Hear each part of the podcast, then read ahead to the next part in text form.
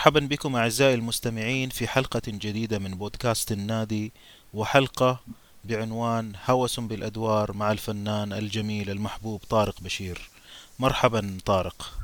يا أهلا أهلا بك أهلا فاضل أهلا. طارق إحنا محظوظين باللقاء معك صراحة في حلقة من حلقاتنا معك وراح تكون عن آه، المرض أو الهوس بالأدوار.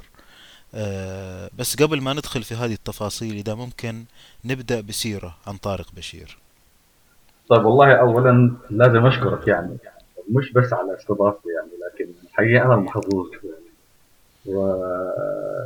وأشكرك على المجهود الجبار آه، اللي بتبذله في البودكاست دي. حقيقه شيء ممتع جدا. لا أقدر ازعم إن أنا شفت أو أو سمعت كل البودكاست لحد الآن لكن ما سمعت منها الحقيقة كانت مواضيع شيقة مع ناس آه، على ما يبدو أوتوا من العلم الكثير يعني آه، و- ولي فيهم أصدقاء طبعا آه، سواء الدكتور أحمد الصالحي أو الدكتور طارق عبد الله ومواضيع حقيقة عظيمة. أنا يعني جنب الناس دي راجل غلبان تسلم ممارس ومحب لهذا الفن و- وإن شاء الله كده يعني نحاول إنه. بنحبب الناس فيه شوية إذا أمكن. نعم خلينا نشيل غلبان على جنب. و...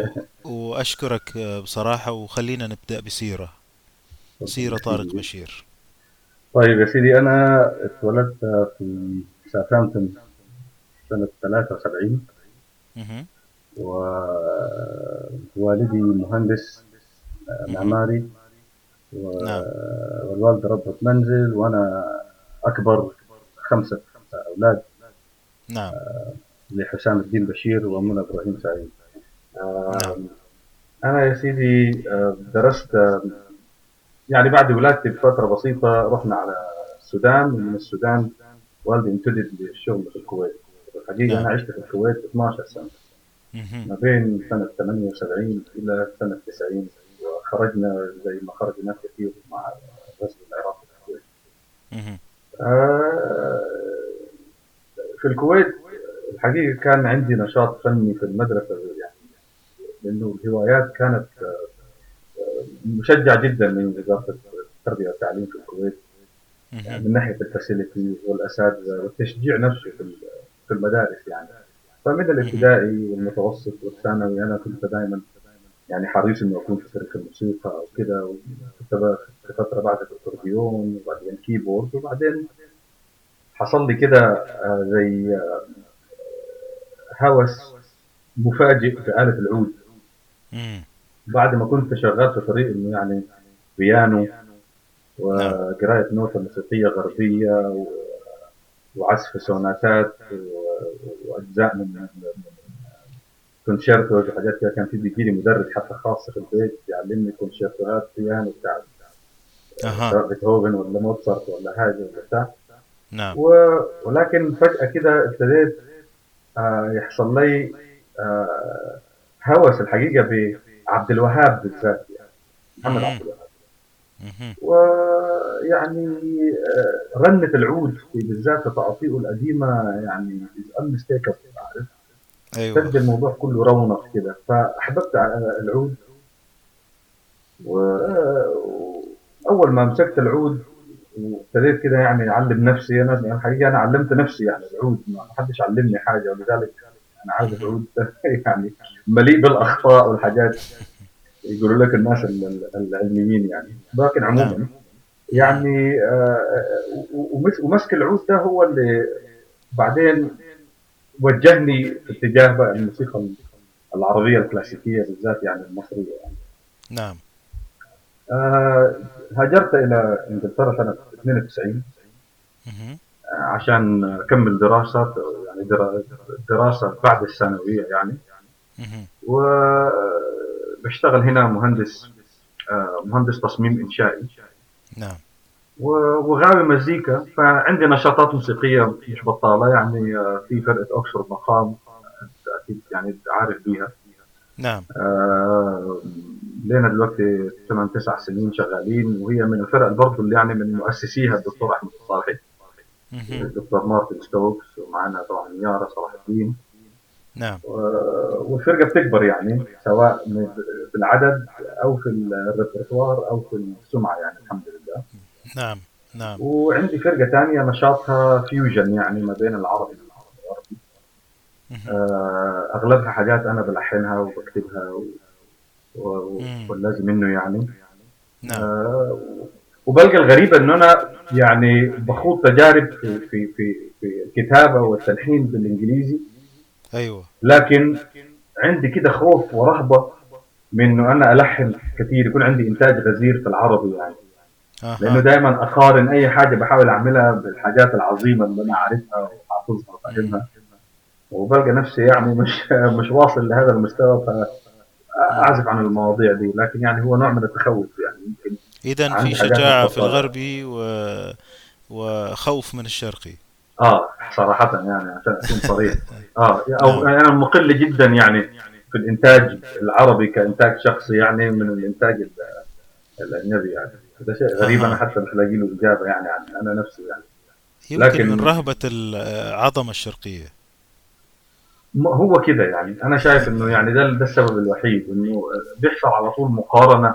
يعني ما بحاولش أقارن نفسي باللي, باللي موجودين حوالينا النهارده يعني ويمارسوا هذا الفن. لا بحاول أقارن نفسي بالناس ال- القديمة يعني بحيث إنه أنا ميلي أساسا للجمل الشرقية ال- الكلاسيكية أكثر زي ما بسميها مصطفى سعيد الموسيقى ال- ال- الشرقية الفصحى.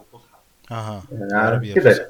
نعم. آه، طيب. آه آه أستاذ طارق آه فنان أنت الآن طبعا ذكرت أكسفورد آه وهذه إن شاء الله راح نخصص لها حلقة مع الشباب آه الآخرين وتأخذ حقها آه لمحبي فرقة أكسفورد.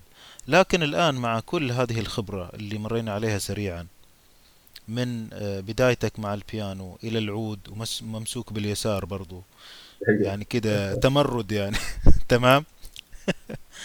إلين وصلنا إلى إلى كل الأذواق هذه وشغلك الآن في الفرق. آه، وين رايح الطريق الصعب هذا اللي أنت موجود فيه الآن؟ أنت الآن تعلن آه، الرهبة من من الموسيقى الشرقية وأنت ممارس لأنواع صعبة. أنت رايح طريق صعب في الموسيقى الشرقية. والله هو طبعا طريق آه، صعب من ناحية إنه آه، بيلغي عندك فكرة الحفظ. وإنك تحفظ الحاجة كده وعليك أنت كمطرب أو بتاع أدائها بشكل جيد. لا الموسيقى ال- ال- المصرية بالذات خلينا يعني في فيما كان يمارس في مصر في في عصر مصر الخديوية يعني إلى حد يعني مم. ثلاث- ثلاثينيات ثقافة م- موسيقية لازم يكون فيها شغل شخصي. فيعني فكرة سواء الموشحات أو الأدوار أو المواويل أو القصائد كلها قوالب تفرض عليك أنك أنت لازم تجد فيها شخصيتك أو توجد فيها نوع من الشخصية.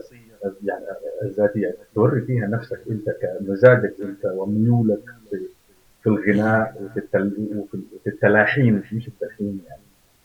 آه، فهو طبعا أصعب من الناحية دي إنه يعني بي- بيزنقك كده في في في في زاوية إنك أنت لازم تضيف شيء.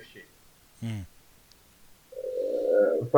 فدي بس الفكرة لكن الحقيقة يعني الصعب دائما آه، أنا ما بشوفه صعب لأنه حاب حاجة وغاويها. يعني أصعب لي إنه أقعد أحفظ أغنية أنا ما مش حاببها. لسبب يعني ما لشغل أو لحاجة أصعب جدا إنه لو حاجة مش داخلة مزاجي إني أحاول أحفظها أو أفهمها أو بتاع تمام. يعني لكن بلجر يعني. خلينا يعني مثلا مع المستمعين نفهم إيش يعني قصدك أصعب لما نكون مثلا من أغاني عبد الوهاب اللي ذكرتها. مم. إلى دور أو موشح. اشرح لي الصعوبة هل هي ارتجال؟ هل هي آه، لحن عام ويتوجب عليك أن تضيف؟ أو إيش إيش أنواع الصعوبة يعني؟ أعطيني أمثلة كذا. يعني لو جينا مثلا عندك تقاطيع آه، بتاعت عبد الوهاب مثلا وام كلثوم المعروفة حتى يعني تقاطيعهم الأولية في العشرينات. والثلاثينات هي ملحنة من الألف إلى الياء. اللحن واضح. الإيقاع واضح. آه، زي مين عذبك مثلا؟ زي مين مثلا؟ زي مين عذبك؟ طقطوقه ليها آه، مذهبها اللي هو بيتعاد بعد كده كل بعد كل دور جواه جوا يعني كل كوبليه يعني خلينا نقول كده بالبلدي. آه والكوبليه لحنه واضح. آه في تقاطيع مثلا أشكال ثانية زي ما دام تحب تنكر ليه مثلا؟ هو المذهب متثبت اللي بيتعاد كل مرة لكن كل كوبليه في شكل وده حال تقاطيع الاصابع أغلبها كده يعني أو أو اتليست في الثلاثينات عموما. فالموضوع واضح. محتاج اذا بس إنك أنت تحفظ تحفظ كويس وتأدي بشكل كويس و... و... وخلاص. لكن أنت بتغني حاجة غنتها أم كلثوم already يعني. أو غناها عبد الوهاب. نعم. فإلا إذا كان ربنا حط فيك يعني ما هو أحسن من أم كلثوم ما هو أحسن من عبد الوهاب استحالة انك توصل للشكل النموذجي اللي حطه عبد الوهاب في أسطوانة وحطته ام كلثوم في اسطوانه فأنت اذا ما المغزى هنا؟ إحنا بنعمل إيه؟ غير إنه مثلا أنا طبعا بغني الحاجات دي ولا زلت بغنيها لكن كنوع من التريبيوت أو العرفان نعم. موسيقى مشاركات الناس العظيمة دي يعني. نعم. لكن آه آه لما تيجي للدور بالذات آه إحنا هنيجي بعدين حنتطرق لموضوع تطور الدور وكيف كل نعم. واحد جاء التطور التراكمي ده يعني. أيوه أكيد لكن, لكن... آه لكن لما نمسك الدور دلوقتي اللي هو يعني أدوار محمد عثمان وعبد الحمولي فيها هندسة غريبة جدا إنه أنت المذهب موجود ملحن. زيه زي المذهب بتاع مين عذبك يعني. أيوه. لا يفرق عنه شيء. مثبت واضح لحنه ملامحه واضحة جدا. وتقسيمه على الكلام وكل الكلام. ده لكن لما تخش جوا الدور أنت يعني خلينا أشبه لك كده تشبيه حهريك النهارده على فكرة التشبيهات يعني. أيوة، أكيد أكيد. أنت ملك التشبيهات. أنت خلصت الدور أو المذهب آسف. تفتح الباب جوا للدور. هي أوضة يعني شبه فاضية. فيها كرسيين كده وكنبة مثلا وترابيزة. وعليك أنت بقى تضيف عليها باقي الفرش وعليك تضيف عليها اللون البهية والسجاجيد والنجف عليك أنت أن تحليها بذوقك أنت الخاص اللي هو نعم. إذا أصبت حتعجب الناس. وحيعجب نعم. المستمع نعم. وده وده أنا في رأيي آه بيديني أنا عن أنا من نفسي satisfaction أكثر يعني أنا فجأة لقيت نفسي قدام material أنا أقدر أضيف عليها حاجة. رغم إنها متلحنة من 150 سنة يعني. امم نعم. لا زالت طيب قبل... فيها مكان إنك تضيف. نعم. آه نعم صحيح. لكن الآن يا طارق فجأة من إيش اللي وداك الطريق هذا يعني؟ أنت فجأة كده شفت نفسك قدام دور بالصدفة؟ لا لا طبعا. ولا موشح ولا آه. 150 سنة ورا؟ ابدا والله أنا أشوف ال ال ال ال آه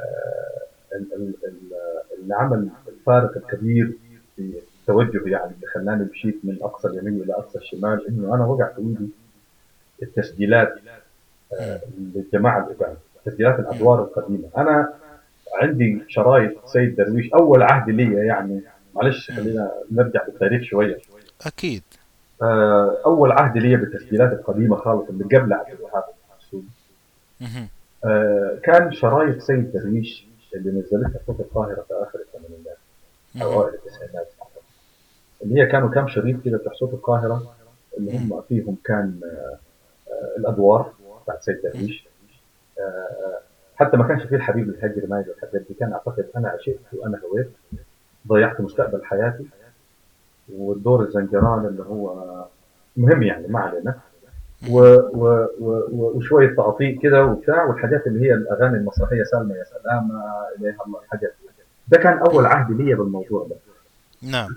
تمام؟ نعم. و... وطبعا كنت منبهر بيها. وحفظت الحاجات بصمت بالإعادات بكل التفاريد اللي عملها سيد درويش جوا التسجيلات دي.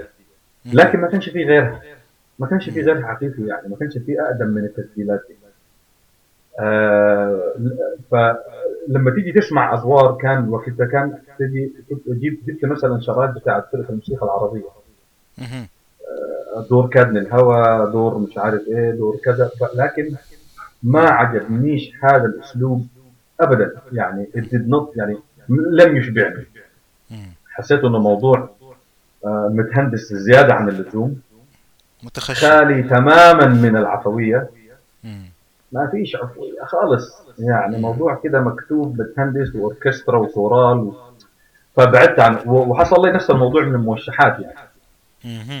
إنه يعني سمعت الموشحات في في أصوات فرقة الموسيقى العربية أو الفرق الكبيرة ديت. وما عجبنيش الأسلوب. فقعدت فترة طويلة يمكن 15 سنة بتاع لا بسمع أدوار ولا بسمع موشحات هم الكم دور بتوع سيد درويش دول فقط. يعني إذا حد قال لي غني أدوار وبعدين آه وأدوار زكريا أحمد. طبعا لما برضه صوت القاهرة نزلت حاجات بصوت زكريا أحمد. نزلوا الأدوار المشهورة بتاعته مسير عقلك آه أنت فاهم الفؤاد ليل ونهاره نعم. آه هم كانوا الثلاثة دول بس حتى اللي أنا اعرفهم يعني. نعم. آه برضه طبعا عجبوني جدا. وكان دي حصيلة الأدوار اللي أنا افهمها جينا في 2007 بقى. ثم بعد ذلك آه لقاء مع الدكتور أحمد صالحي صديقي العزيز. نعم. ويعني أعتبره أستاذ من أساتذتي يعني. نعم هو أستاذنا كلنا. آه والله. والراجل يعني حقيقة زي ما تقول كده فتح لي مكتبته الموسيقيه على مصراعيها. آخذ منها كل اللي أنا عايزه. نعم. وهو جامع كبير معروف يعني للاسطوانات القديمة وعنده كم هائل من التسجيلات المصرية بالذات القديمة يعني. فتعرفت على الأدوار بقى سمعت الأدوار بأسلوب مختلف تماما أسلوب حتى مختلف عن أسلوب سيد درويش. وعن أسلوب زكريا احمد حاجات بقى أقدم. عجبني فيها ال ال ال ال- التلقائية في الأداء ال ال آه، آه، آه، في في في في ارتجالية واضحة. في انسجام كده عفوي وطبيعي بين الموسيقيين والمطرب وحيوية في في ال counter melody اللي شغال وراه. يعني لقيت جو ثاني مختلف تماما. وطبق نفس الكلام ده على الموشحات مم. ف نعم. حصل بعد شوية ابتدى يحصل كونفيوجن إنه الله. استنى ده ده أنا سمعت في البعد ياما بصوت المنيلاوي حاجة وبصوت عبد الحي حلمي حاجة وبصوت سيد الصفي حاجة ثانية خالص. الله. يعني هي الناس دي ما بتلتزمش بالموضوع ولا إيه ولا بتاع. وبعدين برضه وقعت في إيدي غالبا عن طريق أحمد الصالحي يعني كتاب النظم المصري. أيوة. بقيت أبص على ال- النصوص. نعم. وفهمت بقى على طول فكرة إنه هو يا ترى الجزء في الأول ده متثبت عشان كده بسموه مذهب يعني إنه يعني زي الحاجة المثبتة يعني. والباقي ده تلعب فيه زي ما انت عايز. تلقى المنيلاوي مثلا بيلعب في الشطر الأول من الجزء الثاني من الدور. بينما عبد الحي يلعب في الجزء الثاني والصف يلعب في الجزء الثالث ويطلع كل واحد بيشتغل على كيفه. راجعت الكلام ده مع مع الجماعة وبالذات طبعا أيضا الدكتور أحمد الصالحي يعني. هو فعلا ده كده؟ قال لي بس أنت خلاص فهمت قلت له ده كلام عظيم جدا. يعني أنا دلوقتي لو مسكت دور اقعد اعمل فيه اللي أنا عايزه واحط فيه حاجات كده بحيث إن من غير ما طبعا الواحد يعني يخل بال... بال... بالهندسة العامة للدور يعني لكن. حاجة كده شبه الحاجات اللي بيعملوها الناس دي. فلقيت إنه يعني ده شيء فجأة فتح لي مجال ثاني خالص في ممارسة الموسيقى يعني مش.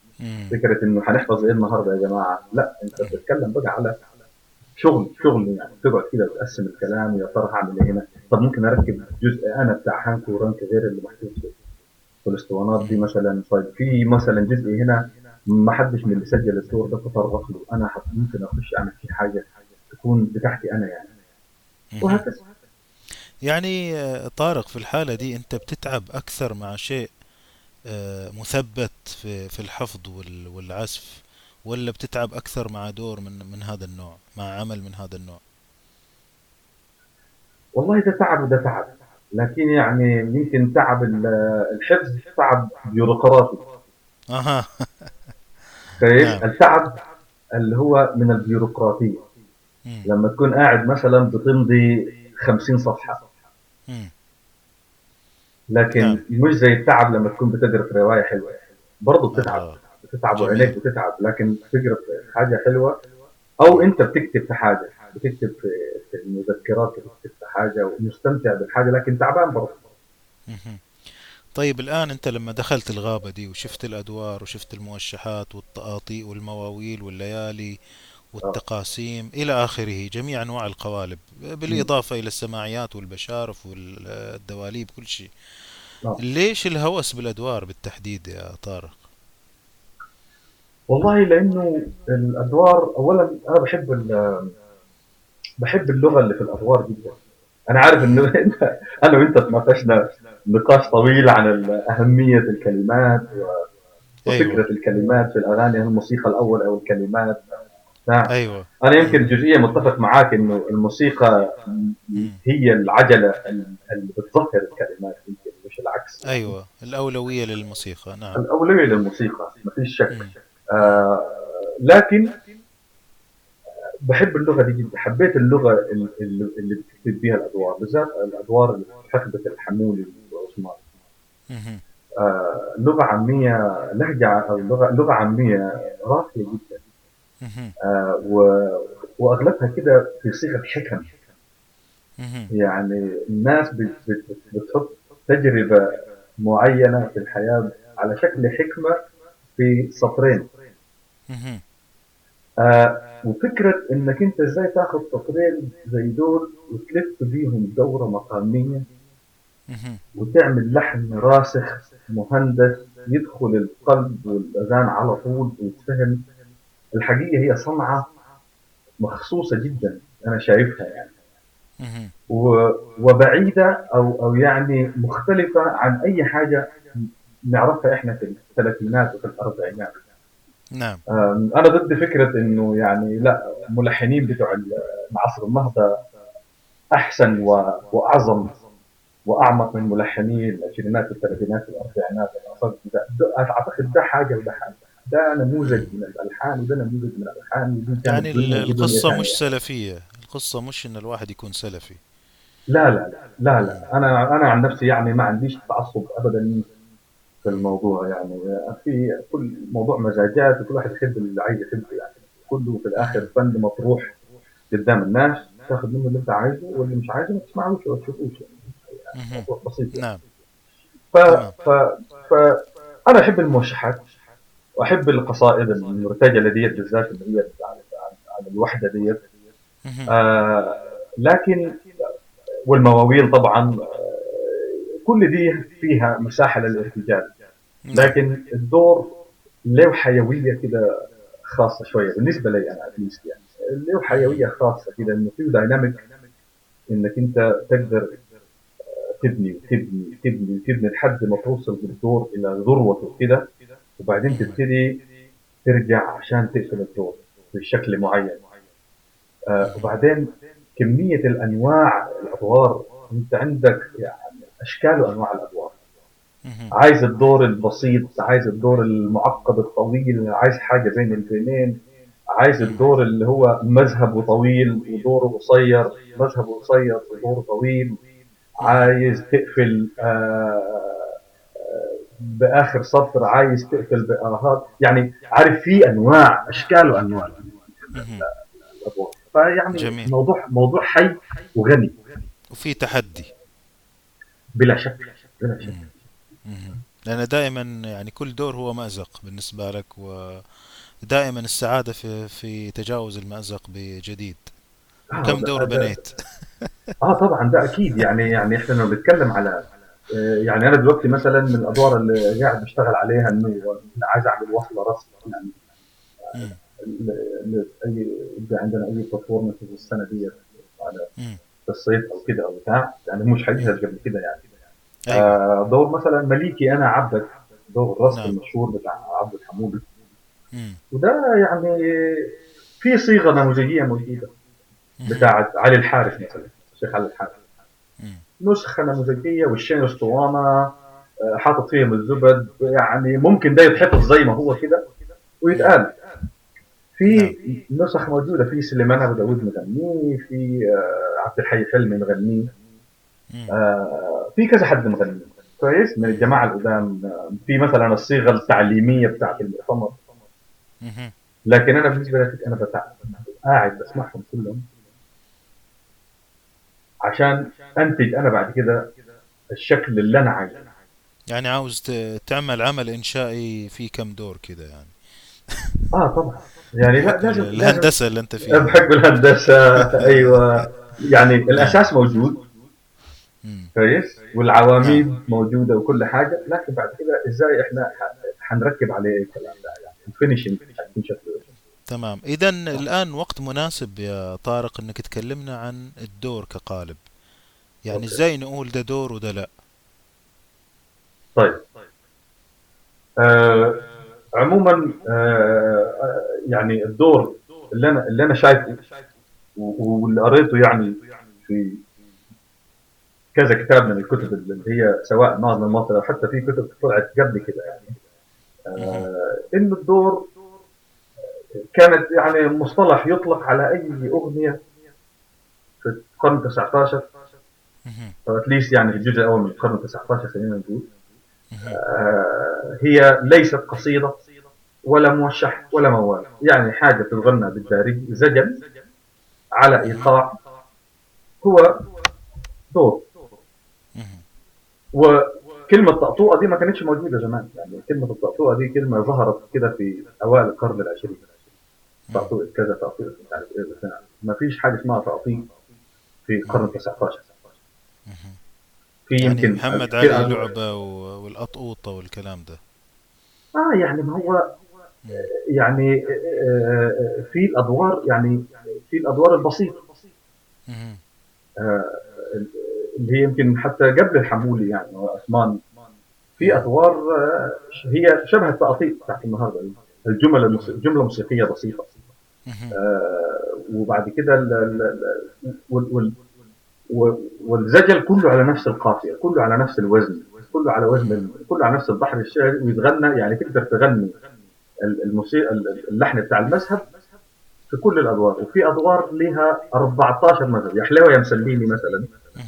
اللي هو ينسب انه هو من أوائل الأدوار المعروفة وال- وال- والمتناولة يعني لحد وصلت لحد عصر التسجيلات. ده في كتاب النغم المصري 14 فيرس. يتغنوا كلهم بنفس اللحن بتاع فيمكن تقول عليه تقطوع. لكن في زمنه اسمه كان دور. تمام نعم آه خلينا ناخذ مثلا آه الدور بشكله اللي هو كان يعني في عصره الذهبي. يعني معناها كده الأدوار مش كلها مثل بعض. مروا بمراحل وتغيروا وتطوروا. آه طبعا. هو يعني تطور تراكمي كده على ما يبدو كده مع آه، ثقافة الناس مع تقدم الدنيا مع حصل زي ما تقول يعني ديماند أكثر لأنه الدور ده نشتغل عليه أكثر. وفكرة لما يقول لك مثلا إنه الخديوي إسماعيل كان راعي للفن والفنانين وحب مهم. يكون في ثقافة فنية موسيقية مستقلة عن آه، تركيا أو على الأقل يعني إنه يكون في موسيقى مصرية موجودة في مهم. أوساط الأرستقراطية مش يكون بس تركي بس يعني انه الموسيقى المصرية آه، أو الريperتوار المصري محصور في الطبقات ال- ال- ال- ال- يعني الشعبية والسوقيه وهكذا لا هو فوصل الدور ده إلى فترة كده كان في البيك يعني. أيوة. نقول في الفترة اللي كان يشتغل فيها عبد الحمولي وعثمان والمسلوب والناس دي. آه، الدور يتكون يا سيدي من جزئين. نعم. المذهب والدور. والمذهب هنا بمعنى الستارت. ده آه المنطلق. المنطلق أيوة. آه فتلاقي مثلا أدوار آه خلينا أديك نموذج كده بسيط مثلا آه، تسمح لي أي أكيد أقول لك مثلا آه آه ناخذ يا سيدي دور بيقول المذهب. حظ الحياة يبقى لروحي. لما الهوى يجي سوا.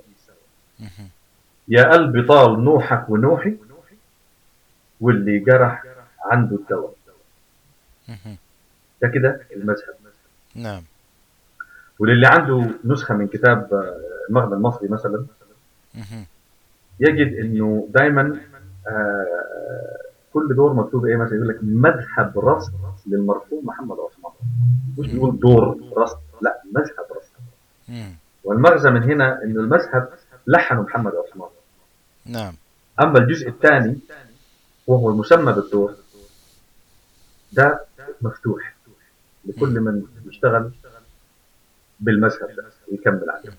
نعم. فهنا نجد قلنا حظ الحياة يبقى لروحي لما الهوى يجي سوى البيت الأول. البيت الثاني يا قلبي طال نوحك ونوحي واللي جرح عنده الدواء. كده خلص المذهب. نعم. جينا للدور. الدور بيقول سحر الجفون خد مني قلبي وأنا اعمل إيه في دي الهوى. يا ناس عجيب السؤم زاد بي واللي جرح عنده الدواء. ده كده الدور جوه المذهب ملحن ومثبت من الملحن بتاعه. لما تسمع حظ الحياة ده من أكثر الأدوار يعني اللي سجلوها ناس.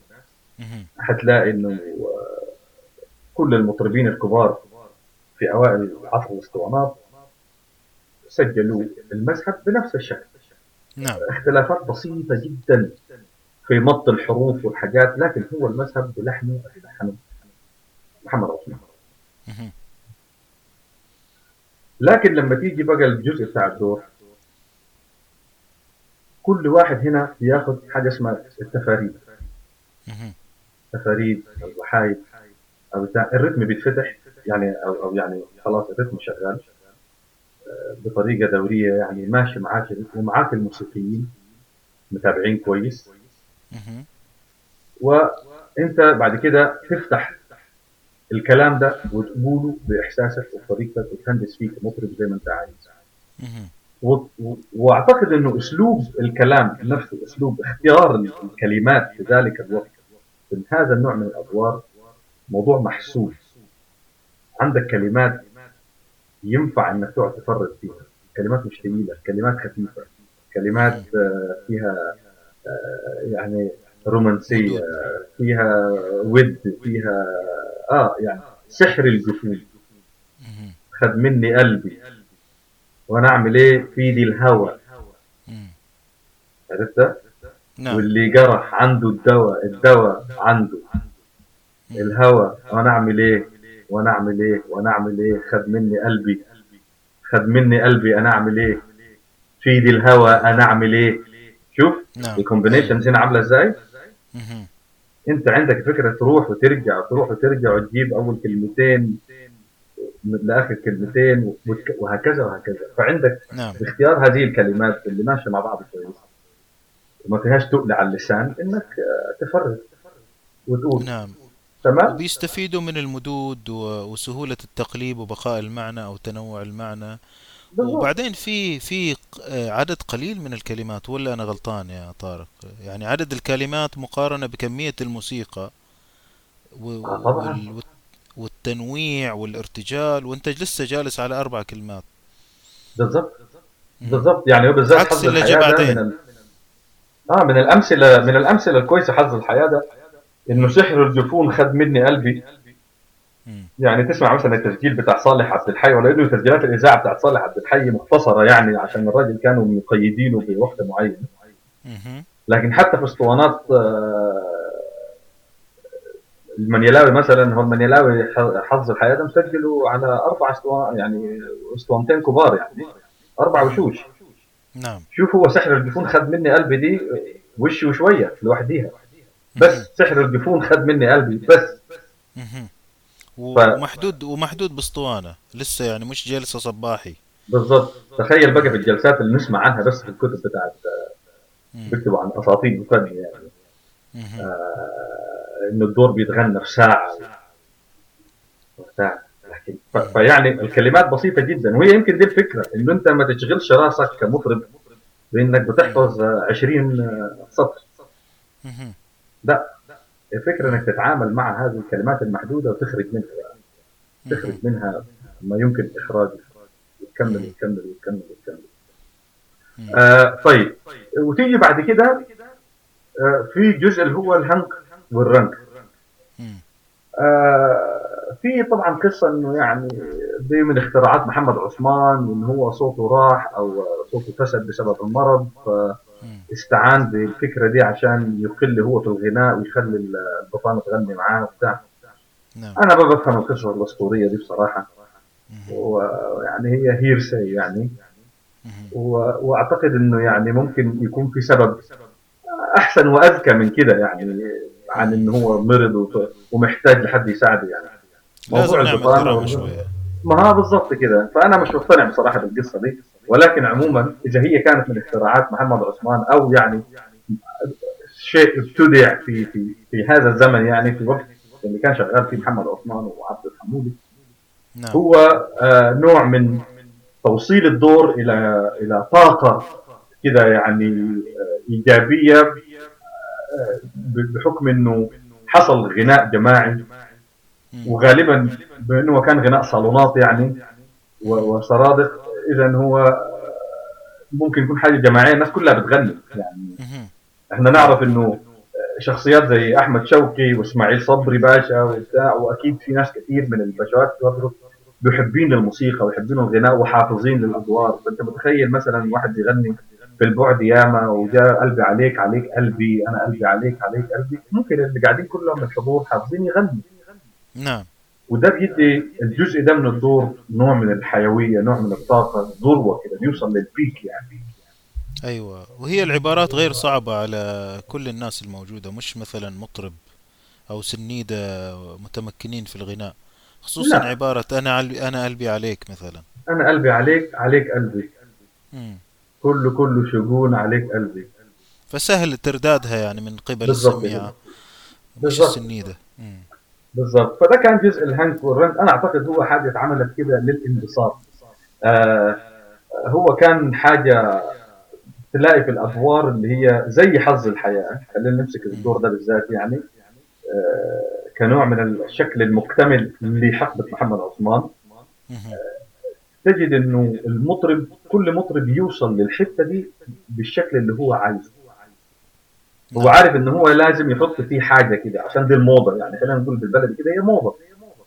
موضة أنت بتغني وتفرد وتفرد وتفرد ات سام بوينت هتوصلني للحته بقى اللي أنا آه، هرد عليك هتقول وهرد عليك وهتقول وارد عليك عشان نشارك يعني في البهجة بهججة. نعم لكن الوصول لها مش متهندس من الملحن مم.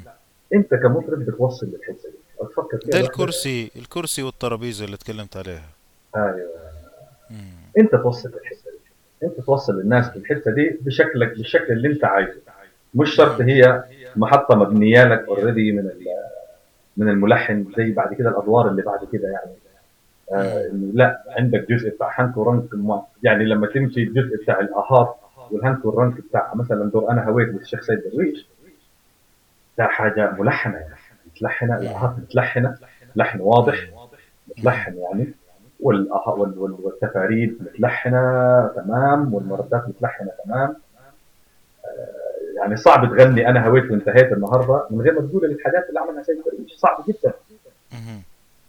بينما من السهل جدا أنك تتفادى ما عمله آه، المنيلاوي أو أو عبد الحي حلمي في حظ الحياة وتعمل حاجة ثانية. عرفت؟ نعم لأنه الموضوع آه، عفوي أكثر بيمشي للحتة دي. إحنا عارفين متفقين إنه ات سم بوينت الشيخ يوسف المنيلاوي حيقول آهات. ومش شرط حتى الآهات اللي هي عاملة زي الحاجات اللي شفناها بعد كده فيها الملحنة دي. لا آهات كده من عنده كده آهات طويلة بيمط كلمة آه. وبعدين يبتدي يخش بقى سحر الجفون الجفون الجفون. خد مني قلبي يا قلبي يا قلبي. الجفون ويردوا عليه ويردوا عليه ويردوا عليه. وهكذا. آه، عرفت الفكرة؟ ف... نعم. فده الجزء بتاع آه، ال- ال- التفاريد والهنك والرنك تمام؟ تمام. بعد كده وانس إن أنت وصلت للذروة دي خلاص مفيش غير كده خلاص مفيش أكل مفيش أعلى من كده. بقيت انت فاهم والناس اللي حواليك قاعدة فاهمين ان انت تبتدي بقى زي ما تقولوا إيه تبتدي تفرمل الدور بقى شوية. إيه خلاص بتفرمله كده عشان وصلت بالدور لحد 100 آه، ميل في الساعة. نزل السرعة. تنزل السرعة تدريجيا وتبتدي بقى تمسك آه، الجزء مثلا قلنا إيه يا ناس عجيب السوق مزاد بي. واللي جرح عنده الدواء ده آخر بيت في الدور. ده اللي بتمسكه ده السلمة يعني يا سيدي اللي بتنزل بيها أو دي الفرامل اللي بتستعملها. وتنزل بيها تخلص الدور. وهتلاقي إن هو برضو في أدوار لما يكون فيها آخر سطر ده في كلمات ممكن تكون تقيلة شوية. يعني كلمة السؤم أيوه. دي كلمة دي لا تتمطى ولا ينفع يتفرم عليها أي حاجة يعني. دي كلمة تعدي عليها كده وانت مفرمل عشان تخلص. مطب. وتطلع بره. مطب هو. آه. يعني يا ناس عجيب السؤم زاد بي مم. يعني أنا برضو مش من أنصار فكرة إنه النطق لازم يكون صحيح يعني أو أنا بشوف إنه النطق لازم يكون صحيح ما تجيش تنط في السؤم هي السؤم. ما تجيش تقول السؤم لا نعم عرفت قصدي فأنت مقيد ب باعراب. معين بتفاعيل. معينة آه فلازم يعني فهي ده بيت بتعدي عليه في الآخر وبعد كده أنت بتستعمل اللحن بتاع آه، الشطر الثاني من المذهب اللي هو بتاع يا قلب طال نوحك ونوحي واللي جرح عنه الدواء نعم بنستعمل نفس اللحن بتاع ده أو يعني شيء شبيه جدا يعني. بحيث إنه تطلع بيه في الآخر وعادة كانوا يغنوا الجزء ده جماعي. يا ناس عجيب السوق مزاد بي واللي جرح عنده الدواء ده حتى بيستعمل نفس الجملة اللي استعملها في مم. جوا المذهب ولكن ده ده حاجة مش دايما يعني مش ستاندرد يعني لكن هو في. الدور ده كده يعني نعم وكده يكون خلص الدور. عرفت ف... نعم. ف... وده ده الشكل اللي هو العام للدور يعني قول كده من آه، سبعينيات القرن ال 19 لحد آه، يمكن قبل الحرب العالمية الأولى مثلا. تمام. يعني هو يعني- هو ده الشكل العام. مهم. طيب خلينا الآن يعني نلخص القالب. القالب فيه مذهب والمذهب أيوة. مثلا يكون على لحن واحد أو لحنين. أيوه. بعدين ندخل في الدور نبتدي نفرد ونعمل وحايد. بعدين أيوة. الهنك والرنك. وبعد ما نخلص ال- الكلام ده نوصل في النهاية إلى الكادنزا أو القفلة أيوه. اللي هي لحنها في العادة يكون زي اللحن الثاني في المذهب. هذا الشكل أيوة. العام. هذا الشكل العام كأنه رجوع إلى الأصل يعني. فأنت لفيت لفيت لفيت ورجعت وتختم بنفس ال- الشكل. يعني لفيت. بمعنى درنا ورجعنا يعني. أيوه أيوه. دور- طيب دور- الآن دور- آه، تمام. إحنا درنا في الدور. ال- لما نقول تطور ومراحل الدور يعني من خلال هذا القالب يعني أعطيني مثلا شكل يعني للدور بسيط ثم شكل متوسط ثم يعني خلينا نتكلم شوية عن عن فكرة التطور أو فكرة نضج هذا القالب المدني. طيب أنت دلوقتي أنا أنا حبعد عن التسجيلات بتاعت مش التسجيلات أسف الحاجات اللي مكتوبه في كتاب جيوم فيوتو اللي هو ال- ال musicologist اللي راح أيام الحمله الفرنسية وسجل أغاني في- في في مصر يعني. لأنه الحقيقة غير اللي كان موشح اللي هو دونهم مع الموسيقيين دول الباقي يعني حاجات أعتقد يعني قيمتها الموسيقية ضئيلة جدا صراحة ما فيهاش حاجة يعني. لكن هي تشبه جدا الأدوار الأولية اللي وصلنا منها تسجيلات اللي هي فكرة طور لحني واحد تقريبا أو اثنين بالكثير لحن بسيط جدا يعني. فتمسك مثلا والكلام نفس نفس الموضوع يعني آه، أقول لك مثلا إيه آه، لما يقول لك مثلا جددي يا نفس حظك. منيتي الهاجر مهم. وبشير الانس وافى وحبيب القلب شرف. وتلاقي اللحن بتاعه لحن بسيط جدا. آه بيطلع سلم الحسيني بينزل هو محير أكثر من الحسيني يعني ما مش مش شغلانتنا يعني لكن هو بيطلع سلم المقام وينزل تاني يكون كده خلص المذهب. يعني لا بيروح لا بيتطرق لجمل فرعية ولا مفيش دراما زي الألحان مثلا زي مش زي حظ الحياة مثلا. يعني حظ الحياة تجد إن هو بي بيبتدي في البياتي وبعدين بيطلع رصد النوى عشان يقول جمل ثانية يعني. تكريت نوع من الدراما يعني. نعم. وبعدين يعمل لك جملة كده فيها مط ودراما وال- واللي جراح عنده دواء شفت؟ فجأة كده أنت you creating this drama وبتاع وحركات. لكن عموما تعال نقول الدور بشكله البسيط. الأولي زي الادوار دي مثلا في حاجات حتى أبسط من جدية آه وكويس إن إحنا عندنا عبد الحي حلمي اللي هو أنا في رأيي كان على ما يبدو كده إن الكونتراكت بتاعه مع شركات الاسطوانات أو يمكن ما بيلتزمش بالحاجات دي ولا إيه؟ ما تفهمش. يعني الراجل ده سجل. آه حاجات ما فيش غيره سجلها. أو يعني قل من سجل أغلب الحاجات اللي سجلها عبد الحي. وأغلبها حاجات قديمة. يعني هو يمكن أكثر واحد سجل للمسلوب. ألحان المسلوب. اللي هي إحنا بنعتبرها يعني كده حقبة الدور ال- افضل شوية من الحمولي وعثمان يعني. آه فنجد إنه مثلا سجل دور اسمه كنت فين يا حلو غايب عن عيوني لك زمان. ده المذهب ها. لا رسائل يوم بتبعت لا ولا طيف الخيال. بس كده. نعم. That's it. نعم.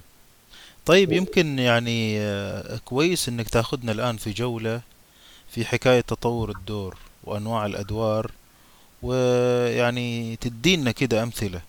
نبدأ طيب والله يا- آه يعني أنا فكرت إنه آه ممكن نمسك مقام معين.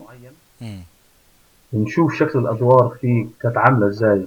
بالذات المذاهب. خلينا إحنا قلنا الدور آه هو مذهب ودور. فحصل تطور أو أو يعني يعني تراكمية زمنية في الموضوع. أنا مش عارف أنا كلمة تطور دي ما, ما بحبها يعني هو ما اعتقدش واحد بيقعد كده يقول لك أنا قررت إني أقعد أطور. يعني لا هو إيه؟ موضوع بيحصل كده طبيعي. انه كل ملحن أو كل جيل عايز يضيف يضيف حاجة حسب الثقافة اللي حواليه يعني. أيوه كلمة تضيف يعني- أحلى لأنه يتطور أحيانا يحذف معناها. آه بالضبط. يعني حشيل حاجة أحط حاجة ثانية لا هو الموضوع تراكمي يعني. مم. آه ودخلت عليه عوامل ثانية ما لهاش علاقة بالموسيقى يعني لكن يعني عموما. آه فحناخذ مثلا مقام البياتي أو بياتي وشوية فروع لي يعني بياتي وتتجاوزهم في حاجتين كده حسيني لكن شكلهم على بياتي يعني. يعني العائلة. على العائلة. مم. كويس؟ ناخذ مثلا دور أهو اللي قلت لك عليه من شوية ده سجله عبد الحي حلمي. اللي هو كنت فين؟ يا حلو غايب طيب. فنسمع نسمع عبد الحي حلمي في دور. كنت فين يا حلو غايب عن عيوني. لك زمان. نسمع بس المذهب. كيف؟ شكل المذهب. كنت فين يا حلو غايب عن عيوني. ده زمان.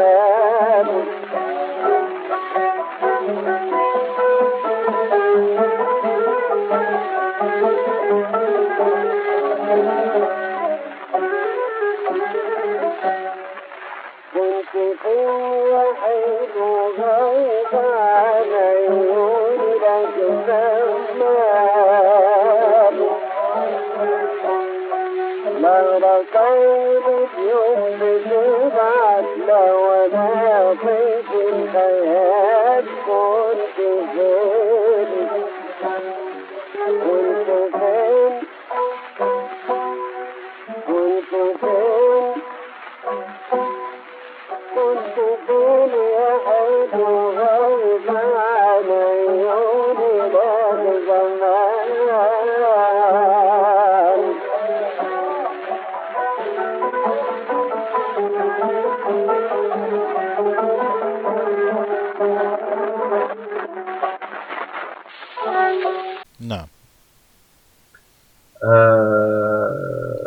وبعدين في حاجة بعد كده يمكن شكل متطور شوية عن كنت فين يا حلوة غايب مهم. آه، في سليمان أبو داود يغني زاهي جمالك فتني. نعم. أهو ده شكل كده شبه جددي يا نفس حظك والشكل ده.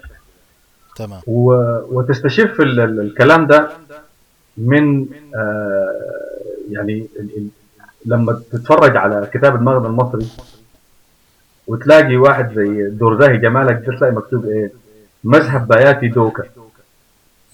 هنا مش مذكور الملحن. ولا الكاتب. ممكن يكون حاجة قديمة أو ممكن يكون البولائي نفسه لا يعلم مين كتب ولحن هذا الدور يعني. آه لكن ليه دور أول ودور ثاني ودور ثالث ودور رابع. المذهب بيقول زاهي جمالك فتني لما بدا نور جبينك. ونبل ألحاظك جرحني من سهم أوس حاجبينك. أو حاجبينك. نعم. بس كده.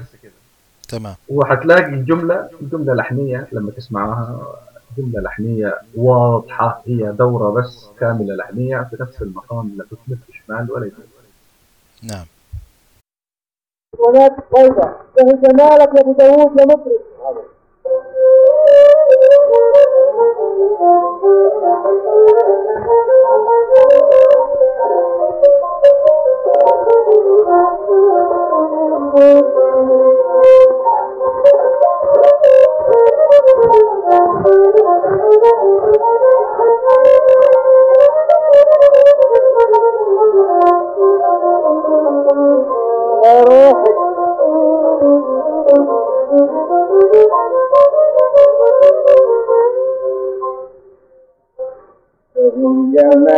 جمالك فتاني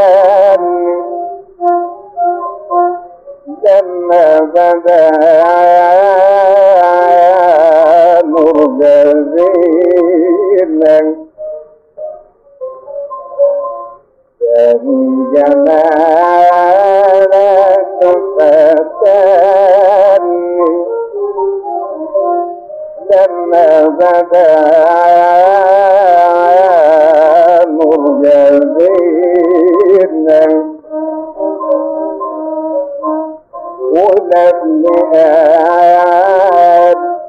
الحضر بتجرح عيني من فهمه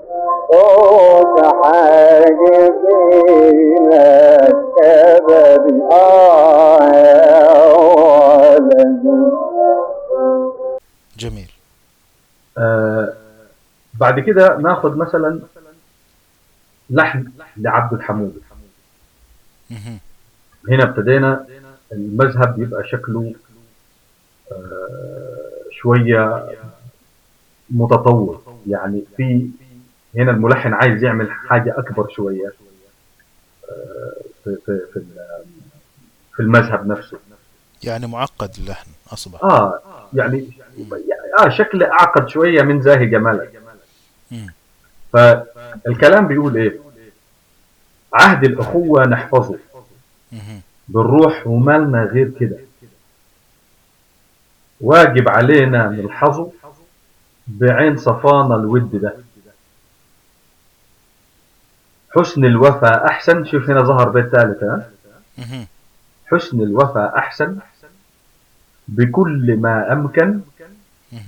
والصب لو أعلن حبه يكيد بالعدا عايز أتوقف شوية برضه عند حتة حسن الوفا أحسن بكل ما أمكن والصب لو أعلن الشكل ده هو يعني مش موجود في كل الأدوار بتاعت الحقبة دي لكن موجود في بعض الأدوار.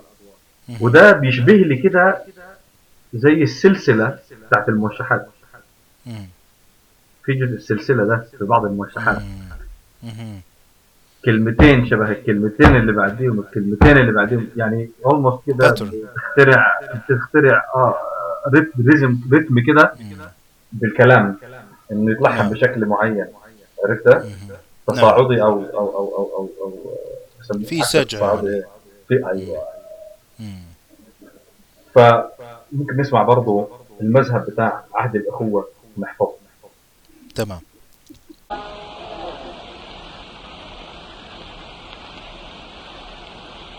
عهد الإخوة.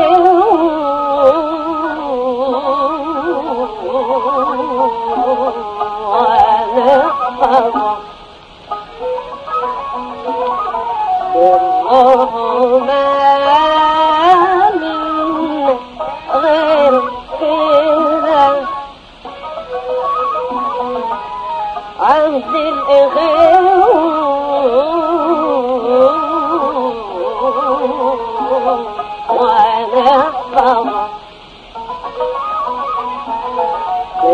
والله ما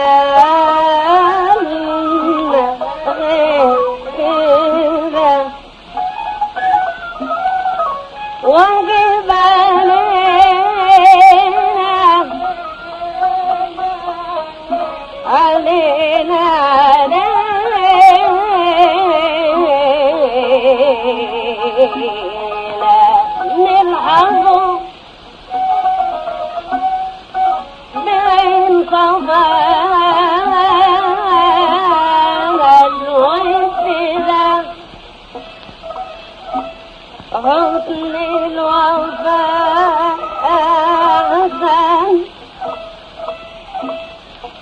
بكل ما أمكن. والصب له أعلم حب ينشد وينشد حب يصير كل عيلة آه في نفس الوقت ده برضو بدنا نقول حقبة محمد عثمان وعبد الحمولي بيشتغلوا في, في, في هذا الشكل.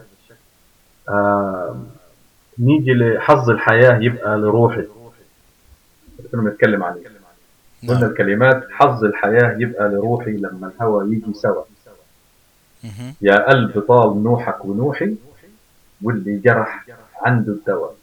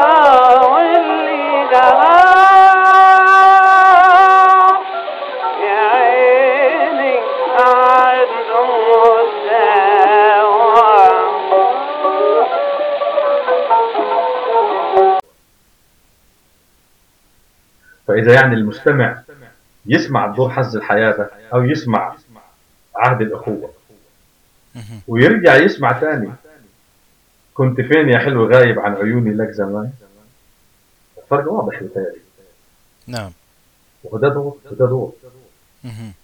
وعبد الحي حلمي اللي سجل دور كنت فين يا حلو غايب برضه سجل حظ الحياة وسجل عهد الأخوة مهم.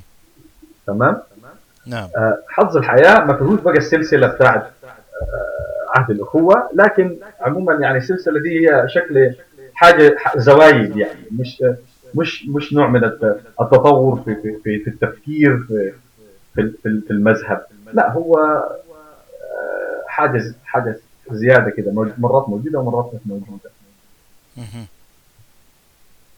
آه. تجد مثلا آه اللحن بتاع كنت فين يا حلو غايب التعامل مع النص للملحن في الحقبة اللي قبل عبد الحميد محمد عثمان وده في أغلب الحاجات. بياخد الكلمات زي ما هي ياخد يستوحي ايقاع آه، آه، آه، آه، اللحن من الكلمات نفسها. نعم. فهي بيقول مثلا كو- يعني الراجل مسك الحاجة قال كنت فين يا حلو غايب عن عيوني لك زمان. لا رسائل اليوم بتبعت لا ولا طيف الخيال. نعم. عمل لك إيه؟ كنت فين يا حلو غايب عن عيوني لك زمان. لا رسائل اليوم بتبعت لا ولا طيف الخيال. كنت فين؟ يعني هنا عمل إيه؟ لمط كلام ولا رجع لكلمة تانية وعادها؟ نعم. بينما لما تيجي تاخذ حظ الحياة مثلا بلاش حظ الحياة اكشلي خلينا ناخذ لك عهد الأخوة مثلا نعم في كلمة عهد الأخوة دي لوحدها كده بيقول إيه؟ عهد الإخوة والإخوة والإخوة نحفظه الله شوف هنا. طول الجملة دي لوحدها الشطر الأول من من البيت الأول بتاع يمكن بطول المذهب. بتاع كنت فين يا حلو دايب مهم. فهمت الفكرة؟ فهنا أصبح التعامل مع ال- ال- ال- النص تفكير مختلف. لا أنا حمط الكلام وأرجع للإخوة. حظ الحياة نفس الموضوع. حظ الحياة الحياة. الحياة. شوف كلمة الحياة جت فين هنا؟ كذا مرة هنا. نعم. بينما يمكن ده لو لحن جاب لو حظ الحياة ده وقع في إيد واحد من الجماعة اللي قبل. آه، عثمان؟ والله أعلم. كان يقول مثلا حظ الحياة لروحي مش عارف إيه. يعني على طول كل كلمة بلحنه وخلص. وده برضو على فكرة مش مش إنه نقول إنه ده أسهل. لا بالعكس. بالعكس. ده ده إذا كان حظ الحياة وعهد الأخوة والحاجات دي بنشوفها النهارده كسهل ممتنع. والله هات لي حد يعرف يلحن جديد هي نفس حظك بحلاوة هذا اللحن وبساطته مهم. نعم. يعني أنت مقيد أنت بتفكر إن أنت كل كلمة بلحنها وهتبتدي من ألف ال- الجملة وتخلصها في الجملة في الناحية الثانية. يعني حاجة كده comprehensible makes sense جدا. ولحن جميل يخش القلب ويتحفظ على طول نعم ف... جميل. فده مش ده مش سهل. كويس نعم فوقفنا عند حتة عثمان والحمولي وفكرة مط الكلمات و... والرجوع لكلمة ثانية وبتاع عشان تشوف الشكل الدرامي دوت وتخترع. شكل كده درامي مهندس كبير وقور يمكن يعني ممكن إذا نعم. يجوز استعمال كلمة انه إنه الحمولي وعثمان عملوا عملوا هيبة للمذهب بتاع الدور. المذهب ده كده حاجة تستناها يعني. نعم. ليه هيبة وليه شكل وبتاع. واذا وإذا سمع وإذا قرينا في في في كتاب كامل الخلعي عن ال- ال- الموسيقى الشرقي أو حتى آه، اسمه إيه؟ سيدي الراجل آه، ده اسمه إيه؟ ال- كتب كتب عبد قسطندي رزق. قسطندي رزق. على إنه كان المذهب يعاد ثلاث وأربع مرات قبل ما حتى يغني الصوت شوف مذهب. يتغنى يعاد ثلاث وأربع مرات. نعم.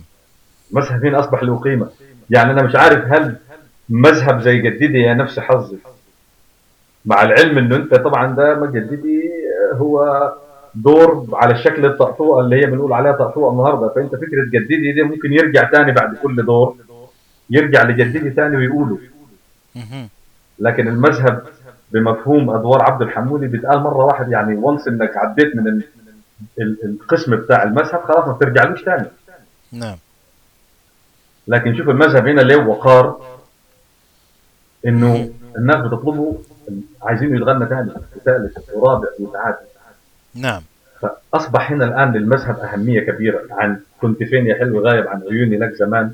يعني حتى شوف لا رسائل اليوم بتبعت ولا طيف الخيال. خيال ملهاش علاقة بزمان يعني. يعني حتى ما فيش قافيه في الموضوع يعني. أيوه.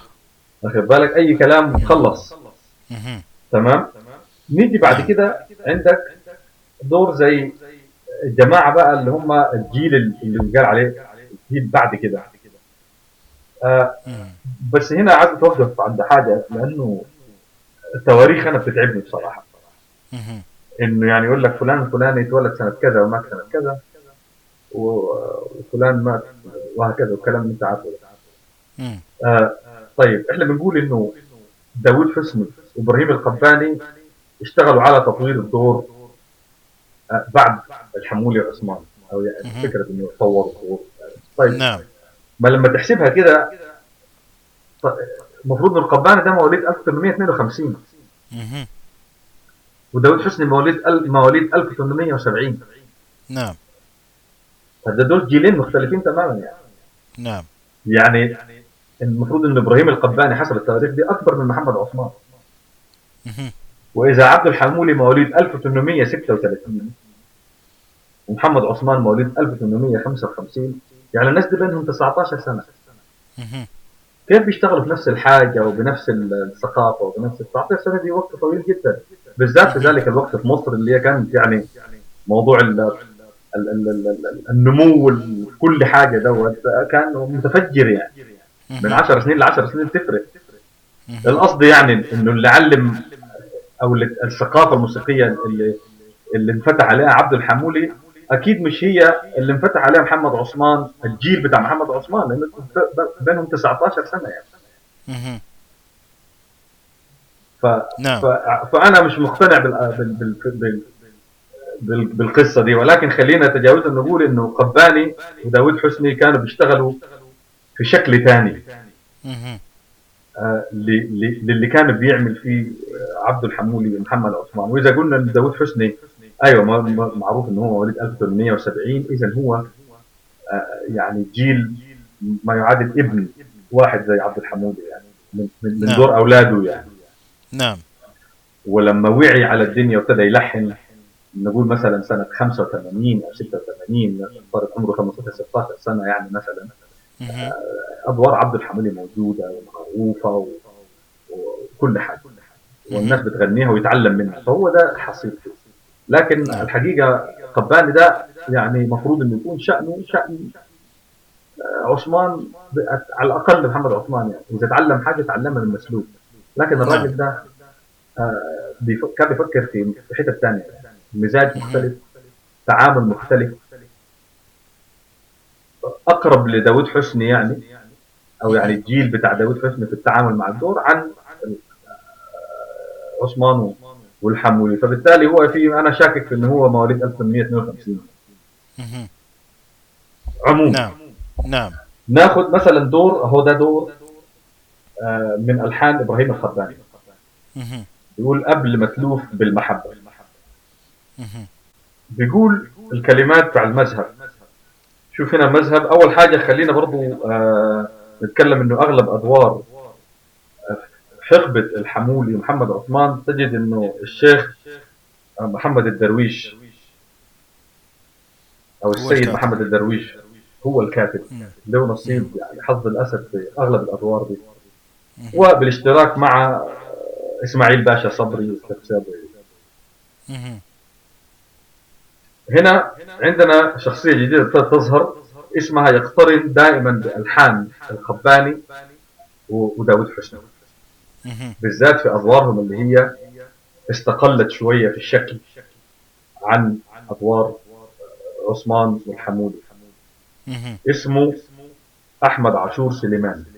أها. تعال نشوف المذهب. البيت الأول. المذهب. قبل ما تلوف بالمحبة شوف خصال حبك وهاود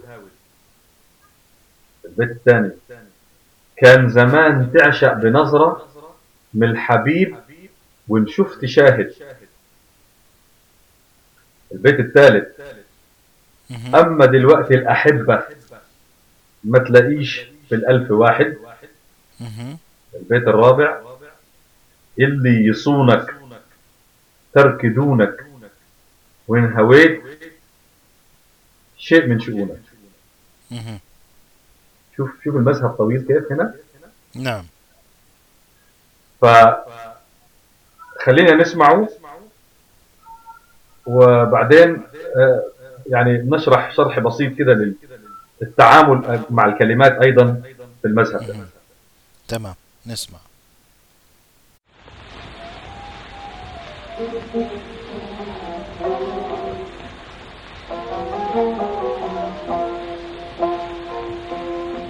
قبل ما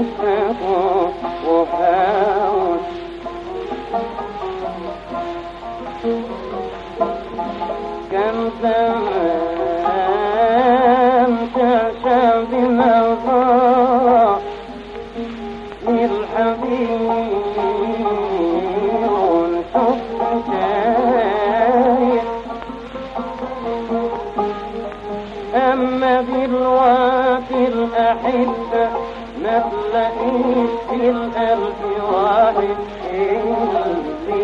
صورك ترك دونك والهويت اللي صونك ترك دونك والهويت من شدونك أما دلوقتي الأحبة ما تلاقيش في القلب واحد اللي يصونك تركزونك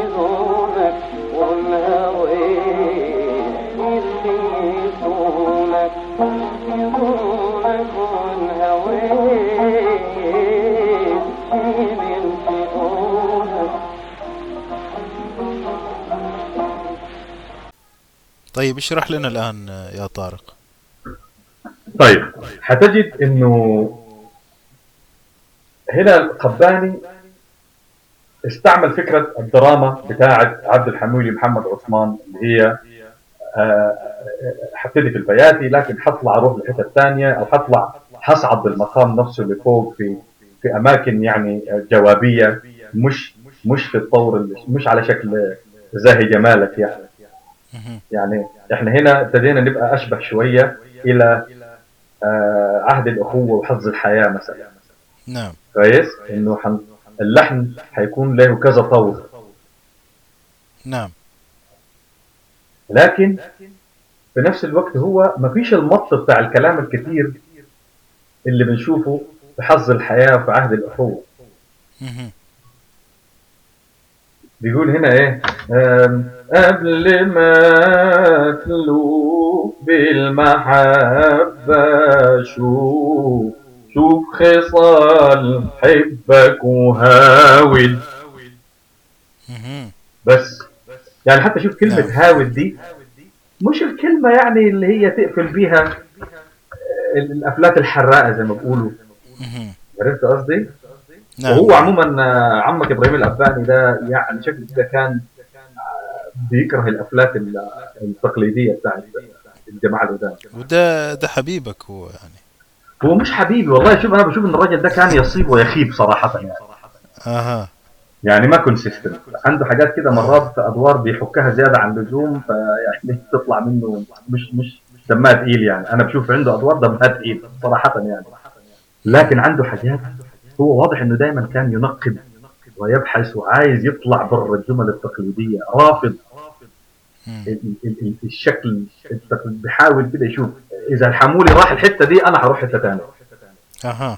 وما يحبش الأفلات يعني. يمكن يقول لك من قبل ما تلوف بالمحبة شوف خصال حبك وهاود لا هو مش عايز كده شوف خصال حبك وهاود. نعم. تمام وعنده الشكل ده دائما في كل ألحانه بيحاول يقسم الكلام بطريقة ما بريدكتبل يعني مش. حاجة كده متوقعة متوقعة ابدا. بعد كده قال لك إيه كان زمان تعشق في نظرة من الحبيب وإن شفت شاهد. اذا وصلنا هنا للشكل الأ- كأنك في الشكل القديم. أيوه. بتاع كنت فين يا حلو غايب؟ في التعامل مع النص. نعم. تك تك تك تك تك تك. كل كلمة بلحنة كل كلمة بلحنة. مهم. لكن هنا ابتدينا إنه يتراكم على الشكل القديم فكرة المذهب الطويل. وأيوة كل كلمة بلحنه لكن كل بيت بلحن وأنت بتخلق شكل درامي. نعم. أما دلوقتي الأحبة ما تلاقيش في الألف واحد. اللي يصونك ترك دونك وإن هويت إن هويت شيء من شؤونك. شفت هنا الشكل عامل إزاي؟ نعم. يعني شتان ما بين هذا الشكل من من المذاهب لزاهي جمالك نعم. اذا الآن يخش الدور جوا. آه. أيوه. اتفضل. شفنا شفنا مذهب طويل. آه كيف يخش الدور؟ الدور بعد كده هو هنا لا ما طيب ما قبل ما نخش في الحتة دي خلينا آه، آه، عايز أكمل لك بس المذاهب إذا أم إذا إذا تسمح لي. عشان نروح لحد آه، مثلا آه، الشكل بتاع آه، داوود حسني.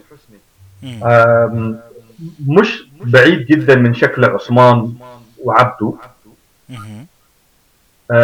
لكن أيضا عاشور سليمان. والشكل بتاع عاشور سليمان. آه، وأقرب شوية يمكن كل من يعشق جميل ينصف وأنا حبيت أحط الدور ده بالذات لأنه فكرة إنه داوود حسني إذا كان استنبط أو أو يعني طور شيء في الدور هو استنبط آه، الثقافة دي من اللي كان بيسمعوا قبليه نعم. سواء عهد الأخوة أو آه، حظ الحياة. هو كده كومبينيشن ما بين الاثنين. فممكن نعم. نسمعه بس عشان نكون كده يعني خلصنا الشكل ده طيب نسمع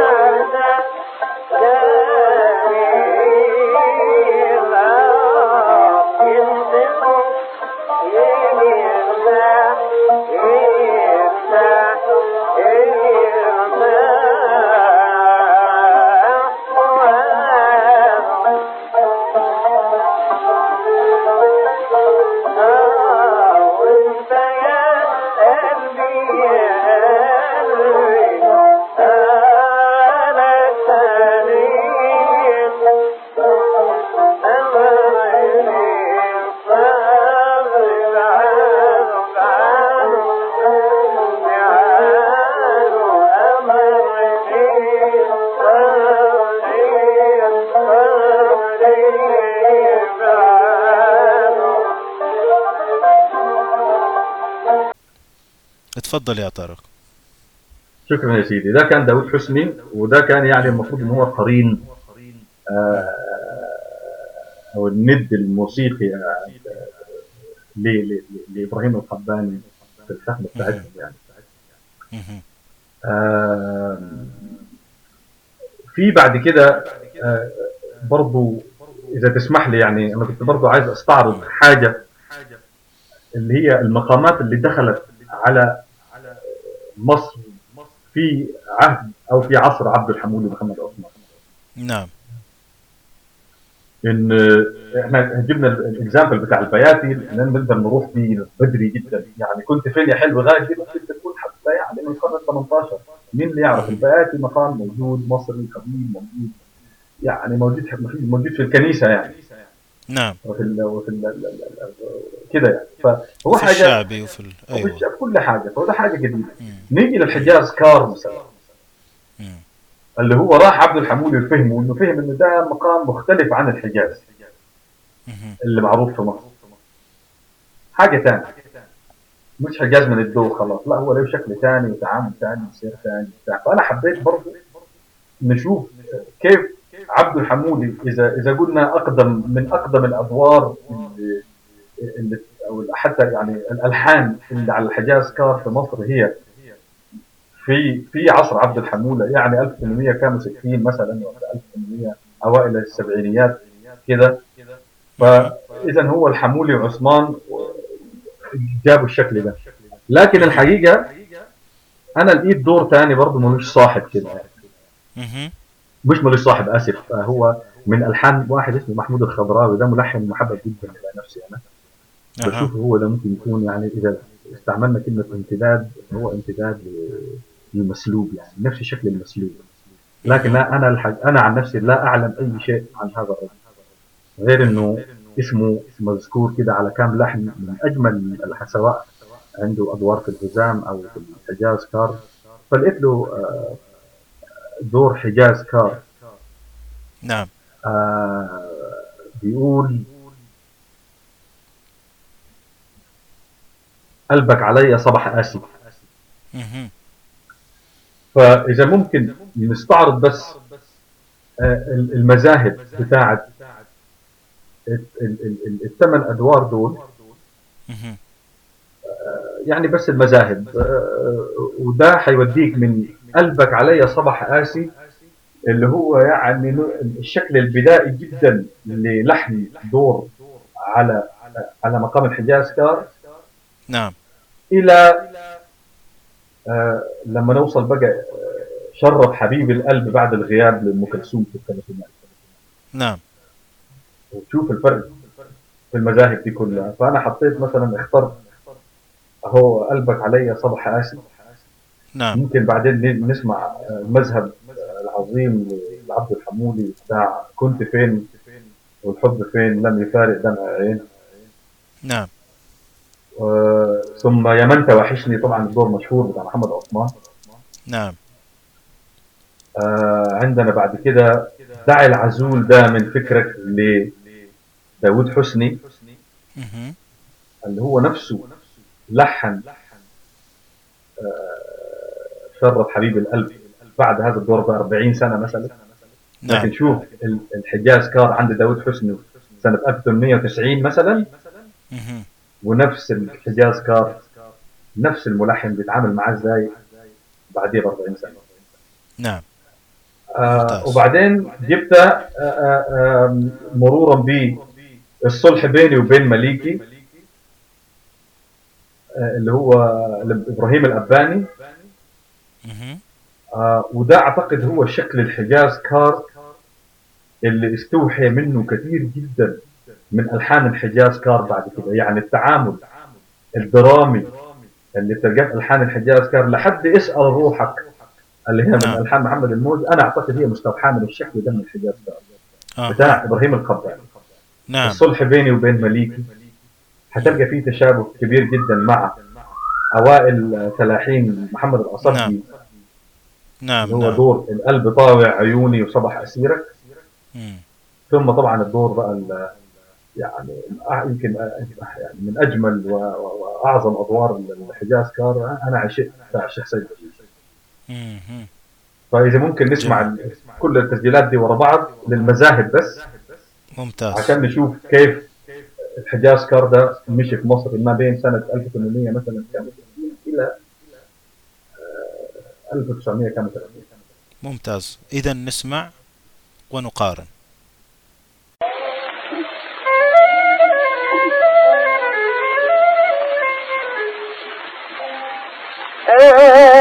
قلبك علي صباح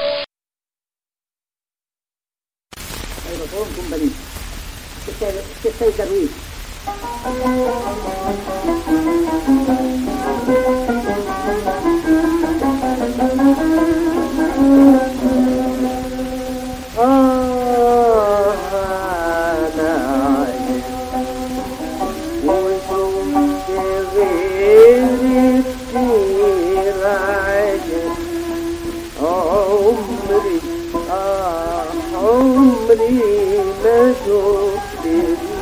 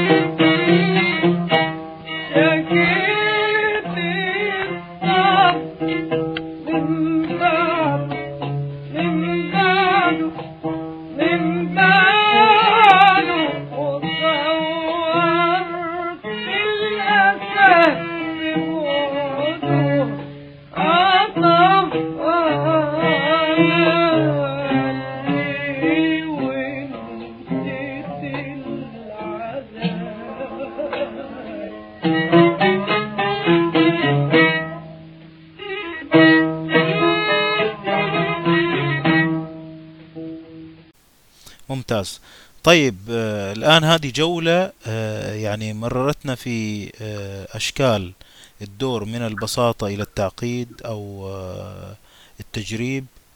آه، ويعني باختلاف عامل السنوات اللي أنت مو عاجبك أصلا أيوة. لكن إحنا نشوف اختلاف ومرينا على مجموعة الحجاز كار. وسمعناها تفضل يا أيوة. طارق شوف يا سيدي قلبك علي صبح قاسي هو شكل حجاز كار يعني آه، كأنك نفس التفكير اللحني في جددي يا نفس حظي. تمسك خط الجملة الموسيقية و... وتقول طور واحد هو لحن بيمسك من الألف إلى الياء ماشي لا ينفصل يعني لا بيروح لا يمين ولا شمال يعني بالبلدي كده نعم عرفت؟ ملتزم. نمسك ملتزم ماسك خيط المقام آه بيطلع بيطلع سلم المقام ويرجع ينزل ثاني بس ما فيش حاجة ثانية آه نيجي بعد كده تاخذ مثلا كنت فين والحب فين. ده تلقى ابتدى فيه عامل درامي واضح هنا. إنه أنت بتتكلم بقى على الكلام نفسه اختلف شوية. آه نعم. كنت فين والحب فين لم يفارق. آه لحظة عين. نعم. يا فؤادي حسبك. ربنا يحاسبك. كم نبال فيك من غزال غير سيوف الحاجبين. تلقى هنا بقى عبد الحمولي والمطي يا بقى. كنت فين والحب فين شوف ياخد الياء بتاعت ال- الفين دي. وخلينا نقول كلمة أنا أكرهها موضوع يقول لك التعبير والتقرير. معلش اسمح لي إنه أقول يعني فكرة. يعني هذا المبدأ مبدأ يعني مرفوض بالنسبة لي تماما. أهو. مم. إذا إذا ما كانش ده تعبير عن التساؤل بفين أهو الراجل مم. لم يفارق لحظة عين تمام كده قفل الجملة نعم. ابتدى جملة ثانية بعد كده يا يا فؤاد حسبك آه ربنا يحاسبك جملة ثالثة. كم نبال فيك من غزال. وهكذا شوف بيطلع فين فين ويروح ويعمل دراما وحركات وبتاع. وبعدين يرجع يقول لك دير سيوف الحبيبين الله الله. شفت ال... شفت جميل هنا expansion شفت المط نعم. إزاي بتاع الشكل هنا تفكير مم. مختلف عن قلبك عليه صبح أسيرك نعم نعم تيجي بعد. كده يا يا ما انت وحشني هو نفس الشكل لكن طبعا نعم. مع الفرق إنه محمد عثمان هنا فتح حتة في الحجاز كار أو يعني في شكل الحجاز كار ده اللي هو يعني أقرب ل حجازين أو شهناز من إنه إنه حجاز كار. لأنه حجاز كار يعني لو حنكون strict في التعامل المفروض يبتدي من نهاوند ال- من فرع نهاوند فوق وينزل نعم. كويس؟ أما إنه حجاز ويطلع حجاز ثاني فوق إيه ده شكله شهناز أكثر من إنه يعني حجاز كار. ولكن هو يعني ده الشكل الحجاز كار اللي سموه حجاز كار واشتغلوا هلا حجاز كار يا جماعة. تمام. كويس؟ لكن يا من انت وحشني تلاقى مثلا إنه في المذهب بتاع يا من انت وحشني آه، محمد عثمان دخل بشكل ثاني هلا زي زي كنت فين؟ نفس يا من انت يا من انت يا من انت وحشني. برضو المط في الكلام ويا من انت يا من انت يا من انت يا من انت وروحي روحي روحي روحي روحي فيك. تمام؟ نعم. نفس نفس التفكير في النص زي ما كان عبد الحمولي قاعد يفكر فيه كده. لكن عمل هنا إيه؟ راح طالع بياتي. نعم. يا مآنس قلبي لمين أشكيك؟ أشكيك للي قادر. فهنا عمل دخل حتة جديدة. مهم. إن أنت ممكن في الحجاز كار تولف جزء. من مقام ثاني خالص. يعني انت هنا البياتي مش في سير الحجاز كار خالص. انت وقفت نعم. في السكة بتاعت الحجاز كار لقيت نفسك مثلا في بيات النوى رحت داخل عامل جمله هناك. ومنها طالع راجع تاني. ده ابتدى بقى الشكل ده في التفكير في رأيي يعني. اللي هو ابتدى يستنبط منه شخصيات بقى زي داوود حسني وبعديهم بقى آه، سيد درويش الأشكال دي إنه أنا مش شرط إنه أفضل جوا المقام محصور جوا المقام أطلع وأنزل بس لا. ده أنا ممكن أروح حتة ثانية وبتاع. مش شرط أفضل جوا الحجاز كار أو في سير الحجاز كار لا أنا ممكن أطلع واولي بشكل ثاني فده هنا محمد عثمان آه في تجوال شوية. خلينا نخ... عشان نخلق الدراما والوقار واللي قلنا عليه في المذهب. المذهب حاجة كائنة بذاتها كده يعني. طيب الآن إحنا شفنا هذه الأشكال. آه. ووصل متى وصلنا بعد حسني؟ إيش صار؟ بعد كده نوصل نروح مثلا ل آه، آه، واحد اللي هو الصلح بيني وبين مليكي ده موضوع مهم جدا. مم. هذا الدور مهم جدا. نعم. خليني بس أطلعه لك عشان آه، حجاز كار؟ أيوه. ده اللي هو لحن. آه، إبراهيم القباني. مهم. من علم إنه من كلمات محمد الدرويش. نعم. الصلح بيني وبين مليكي. آم، أصلح فؤادي وكابل عادي مال العزول ده هو شريكي. إن هواي على مرادي. شوف في تساؤل هنا في الكلام ها؟ وطنك فؤادي واجب تصونه من كل عادي غيرك يهينه. ها؟ كويس؟ طيب. نعم. نوصل نيجي للحن. شوف هنا بقى أنا بشوف اللحن ده يعني شبيه جدا بقى للحيات اللي اتعملت بعد كده في الأشكال بتاعت سواء الاصبجي أو آه، سيد درويش إنما. نعتبر إن دول دول جيل واحد فعلا دول اتولدوا في نفس السنة يعني. يجي القباني هنا يقول لك إيه إيه الصلح بيني وبين مليكي وبين مليكي. شكل غريب نعم وبعدين هنا شوف بقى الغباني. طلع. الحجاز كار صح.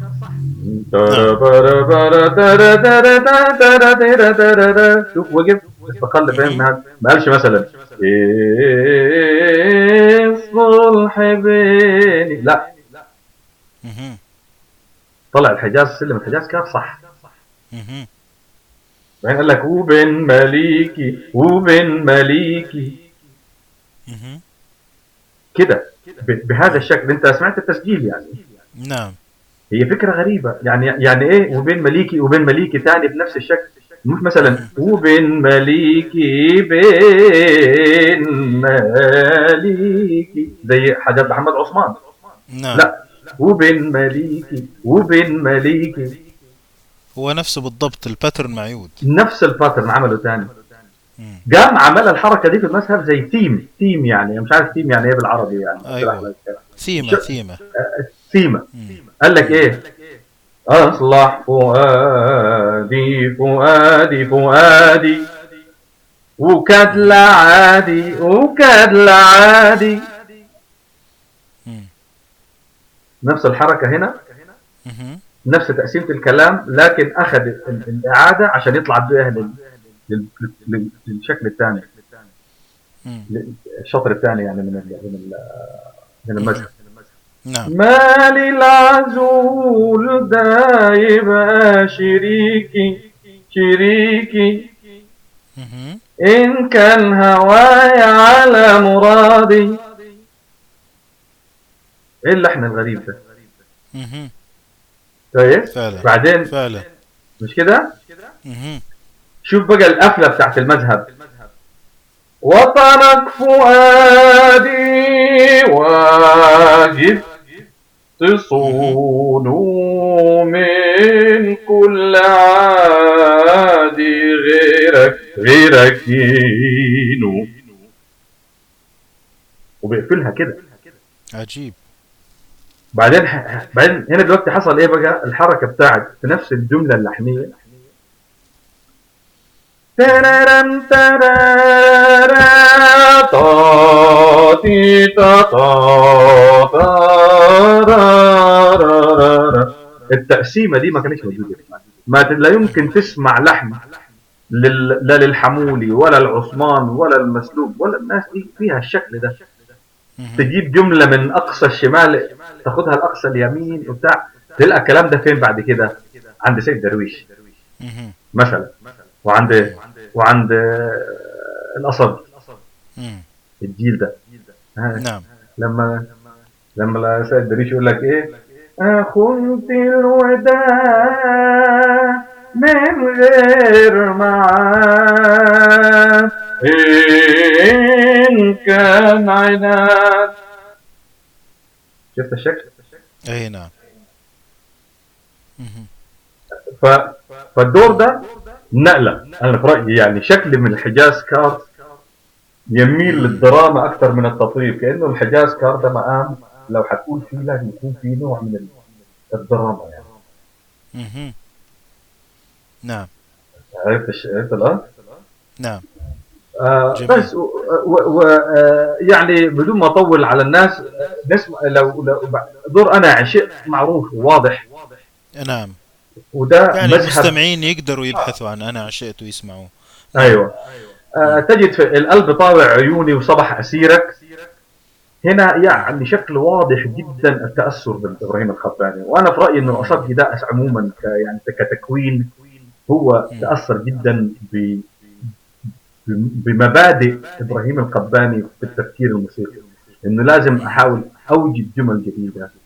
أبعد عن التقليدي أخترع قفلات مختلفة أعمل دواليب أشكال مختلفة أروح لمقامات آه، الناس ما تطرقت لهاش. يعني يعني الحمولي وعثمان والمسلوب والناس دي ما لحنوش نهاوند سنبلة وما لحنوش سازكار ما لحنوش بستنيكار ومستعار. واخد بالك؟ بينما آه، الأباني عمل ده. وحذا حذو آه، سيد درويش و...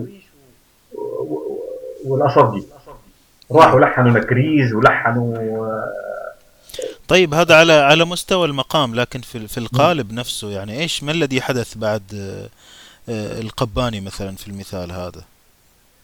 ما هو دلوقتي دور زي زي آه، الصلح بيني وبين مليكي تلاقي إنه الآهات والتفا... وال- وال- والهنك والرنك والتفاريد اللي بعديه مكتوبة كده.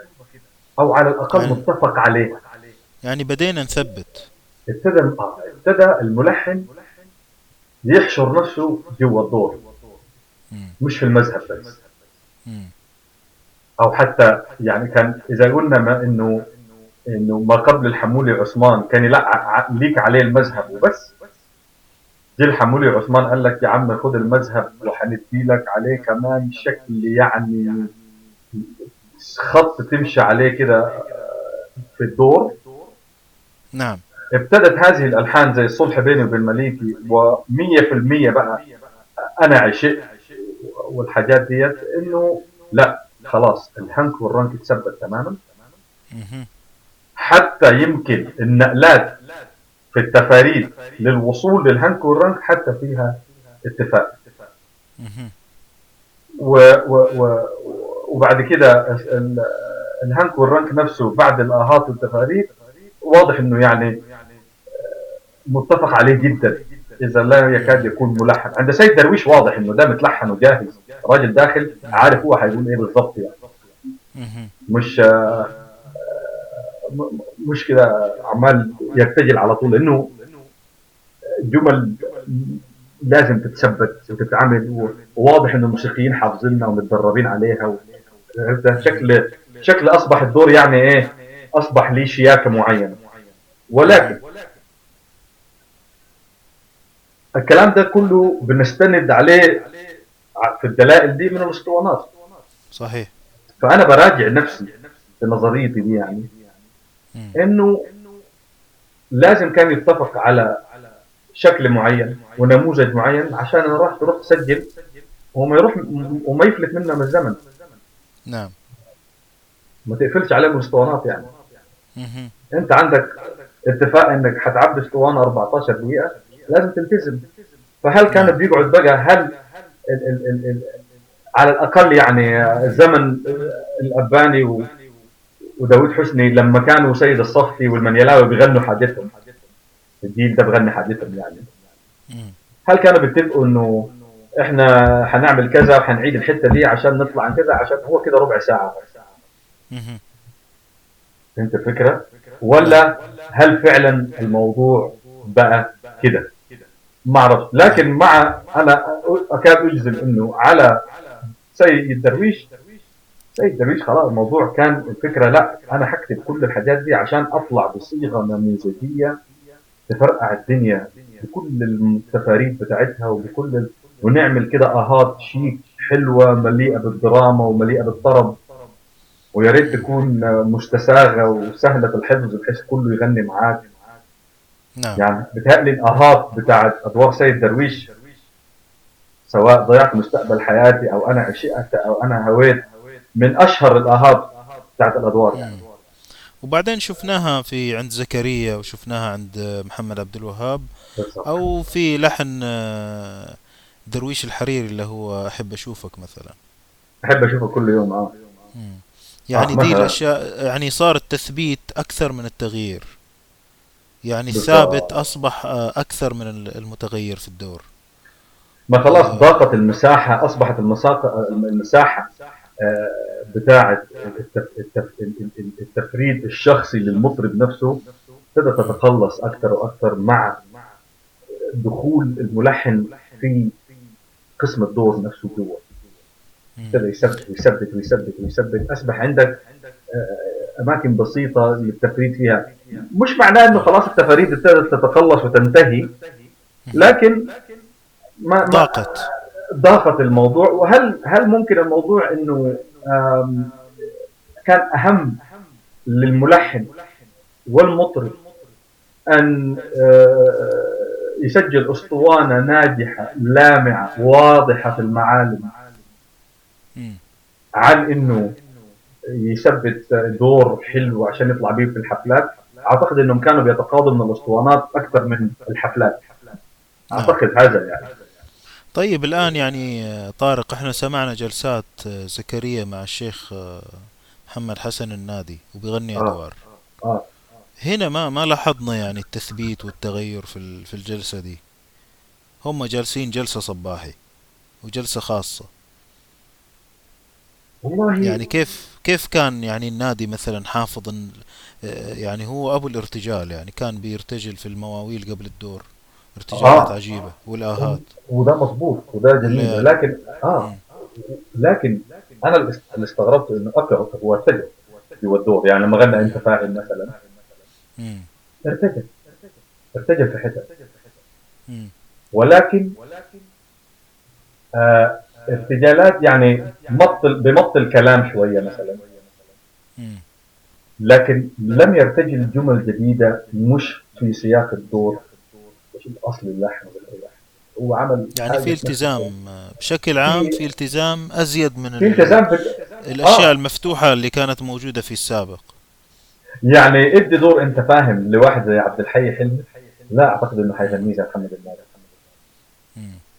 أهو ده يعني ده اللي هو لو كان عاش عشر سنين تاني عبد الحي حلمي ده كان شد شعره من من تدخل الملحنين في البتاع. أو كان هيعمل زي ما كان هو بيعمل يعني حتى في الأدوار اللي كان بيغنيها سواء ل آه، لل- للحم- للحمولي أو عثمان كان يعني حتى دور من أشهر ال- ال- الأدوار اللي فيها هنك ورنك يعني آه، في البعد ياما آه، قلبي عليك عليك قلبي ضرب بهذا الجزء عرض الحائط. نعم. قاعد يفرج في أنست يا امور العيون أنست أنست أنست. وراح في الآخر بالضبط كده قال أنا قلبي عليك عليك قلبي قلبي عليك قلبي وقفل الأسطوانة. كأنه مش عايز. نعم. هو هدفي هدفي من موضوع النادي مثلا إن لو قلنا مثلا صالح عبد الحي متأخر مم. كان مثلا في الإذاعة ومحصور بوقت ومحصور بنظام معين في التسجيل. ال ال النادي كان مش متعلق بشيء في الجلسات هذيك مثلا. أو يمكن الفيومي أو أو الفيوم برضه لما غنى بستان جمالك هو الفيومي غنى بستان جمالك. الفيومي تجد عنده بقى تفاريد أكثر كثير وشخصيته واضحة على الدور. ليه؟ لأنه الدور سمح له بهذا. نعم. بستان جمالك من تلحين محمد عثمان. نعم. أنت فاهم يمكن حلاوة التلحين. وحلاوة الإعادات والتفاريد اللي أنت فاهم بتفرض عليك إنك تمشي في السكة دي. بالذات إنها معمولة بطريقة كل تفريدة بتطلعك سلمه زيادة لحد ما تطلع إلى اوج أوج الدور ده. عشان تخش الآهات وتبتدي بقى ال- ال- ال- ال- الهنكر عرفت؟ يعني قنا... قناعتك يا طارق أن الملحن تدخل وتقمص دوره أكثر في مع تقدم الوقت وهنا نسأل طبعا يعني الآن مغني الأدوار مثلا في الحقبة الأولى أو الحقبة المبكرة. على كده كان يعني يكتسب المهارة بشكل بديهي ولا كيف كانوا متقدمين في. في الاختراع وال... والابتكار والبراعة دي هل كانت تحتاج تدريب مثلا من وجهة نظرك اليوم مثلا كمغني أدوار آه طبعا طبعا تحتاج تدريب وتكون من انت طبعا أنا دلوقتي بالنسبة لي هي ثقافه مكتسبة. يعني كأني بتعلم لغة غير اللغة اللي أنا اتربيت وسمعت أهلي بيتكلموها يعني مم. أنا ما عشتش في الزمن ده لكن نعم. إذا هنجيب واحد زي عبد الحي حلمي ده اتولد لو طلع راح أي حتة أي حتة ثانية عمره عمره خمس ست سنين حيكون بيسمع إيه يعني مهم. ادوار و- نعم. و- وت- وموشحات وفواشير وبتاع. فهو فاوريدي في استعداد ثقافي جوا. ده هو ده الشكل العام ده الموسيقى عند وقت هو المغنى كده. تيجي بعد كده كيف تثقل لو انت في موهبه يعني.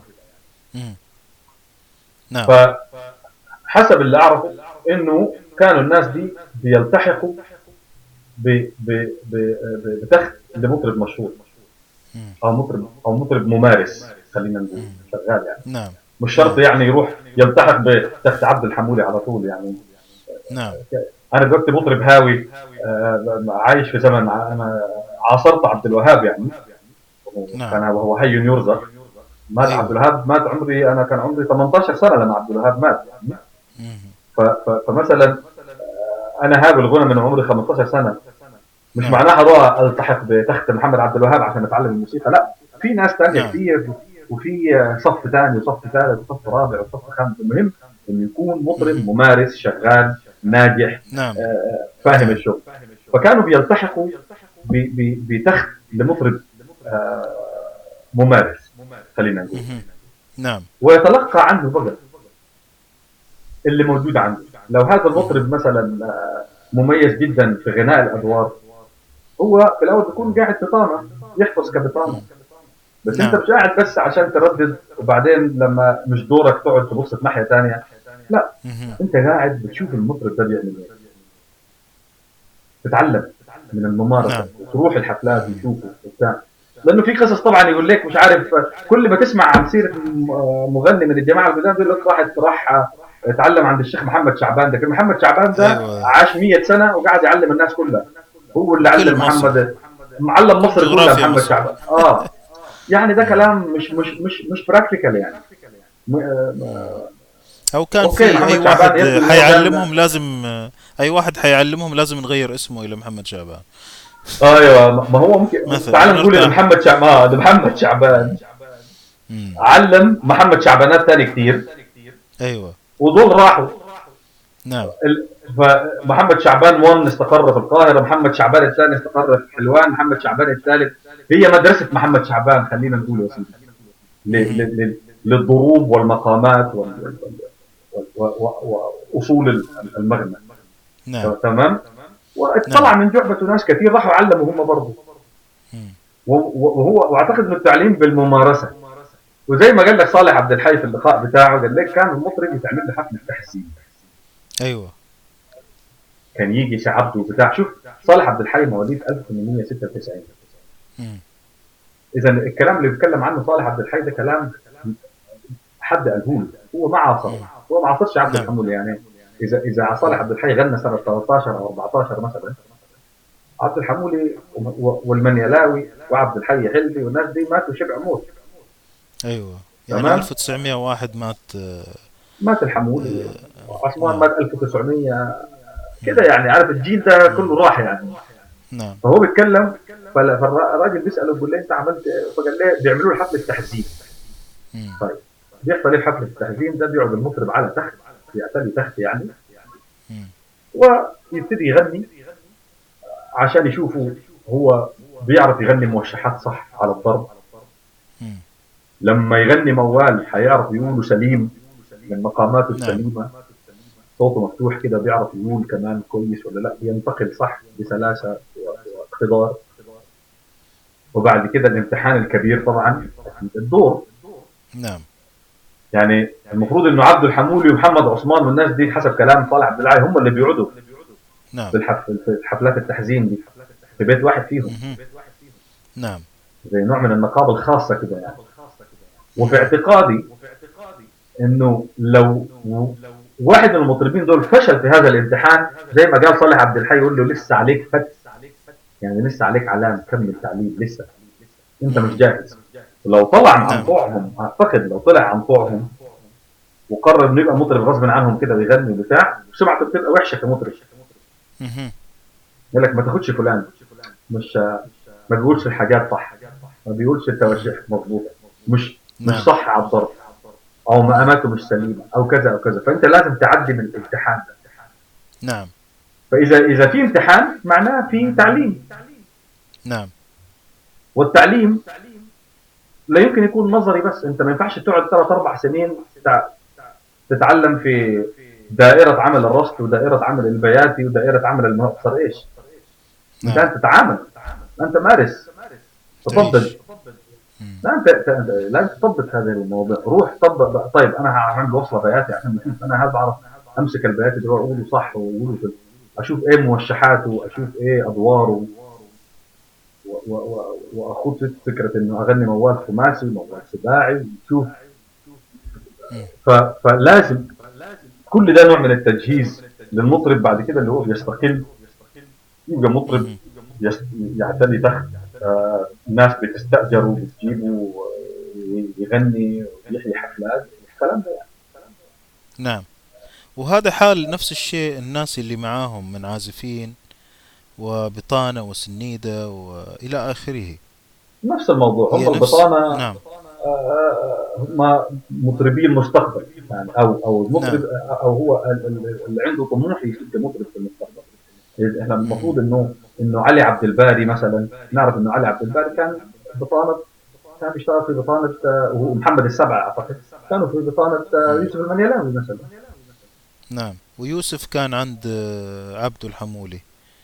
آه، المفروض أعرف نفس إنه عبد الحي. العجوز والعجوز. آه والعجوز آه. مم. نعم. فتعلم فمفهوم آه. آه. نعم. جميل آه. آه. الآن أنت ودك تاخذنا في جولة أخرى منوعة يعني إحنا مرينا على الأدوار في مراحل وشفنا آه. وفهمنا القالب واستوعبنا مقدار التنوع يعني هل تاخذنا في جولة أخرى نتذوق فيها بعض الأدوار يعني ممكن نتحلل.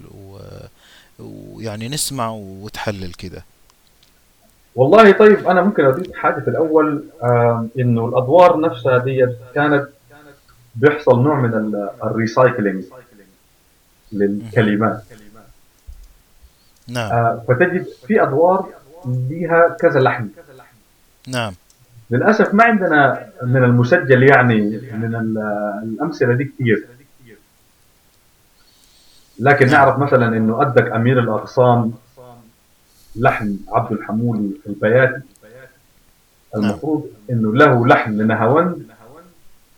لإبراهيم القباني. مثلا نعم لكن آه أنا اخترت آه لكن آه، للأسف يعني لحن القباني مش موجود نعم آه، أو يعني إذا أصحاب الفاعلين خير اللي سامعين البودكاست لو في حد عنده نسخة بتاعت إبراهيم الأباني لحن. عندك امير الأغصان نهاوند يعني يجيب لنا بها يكون مشهور. لكن أنا ما عداش علي يعني. نعم. لكن في مثلا تجد إنه في دور مشهور لمحمد عثمان اسمه بعد الخصام حب يصطلح. ده محمد عثمان ملحن ورصد وأغلب اللي غنوه آه يعني مغنيه آه مغنيه الصفتي مغنيه المنيلاوي آه مغنيه عبد الحي مغنيه علي عبد الباري اللي هو زي ما تقول كده بعد موت آه، يوسف المنيلاوي عشان هو كان في الطنط وحافظ كل ما غنى المنيلاوي فراح مغنيه هو كمان. مهم. الدور ده على لحنه آه، محمد عثمان على الرصد مهم. لكن أبو العلا محمد الشيخ أبو العلا محمد مغنيه على العشاق المصري نعم فإذا تحب تسمع يعني من ده جزء ومن ده جزء آه، يعني اتفضل حتى إن شاء الله المذاهب بس عشان الناس تشوفها. طيب نسمع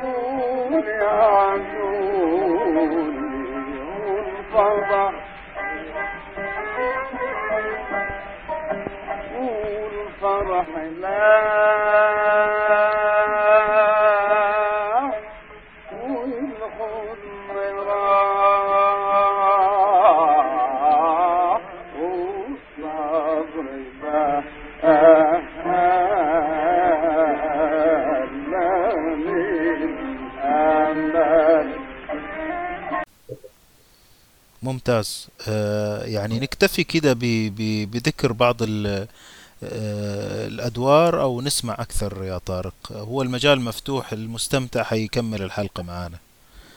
والله أنا برضو كنت عايز آه، يعني أوري آه، التجارب في الأدوار كمان. إحنا عارفين إن الدور غير إنه هو كقالب هو واضح المعالم والناس اشتغلت جوا القالب نفسه بقى سواء في تطوير المذهب أو في الدور نفسه والكلام اللي قلناه. نعم آه، أغلب الأدوار آه، ملحنة على المقامات المشهورة والمعتادة والمتداولة في مصر. المعروفه يعني بدون ما يعني بدون السرد يعني نعم وأغلبها إيقاعات رباعية يعني نعم. مصمودي مش عارف إيه ده وإيقاع رباعي جميل الوحدة وهكذا. لكن. حصل تجارب نعم آه عندك مثلا آه الشيخ عبد الرحيم المسلوب مهم. وواضح إن هذا الرجل كان آه، يعني من الجماعة اللي آه، لهم باع يعني في موضوع الضروب وفهم الضروب ونسج الالحان على الضروب لأنه عنده موشحات من أبدع ما يمكن يعني على ايقاعات مهم. معقده يعني. نعم. آه، فجاء عمل دور اسمه الحلو لما انعطف. دور حسيني. نعم. وفي هذا الدور قرر إنه يعمل يوزن اللحن على إيقاع الدارج. عجيب. كويس؟ وده شيء غريب جدا يعني كأنه حاجة على شكل موشح. ف... فممكن نسمع المذهب ده إذا سمحت. اي يلا نسمع.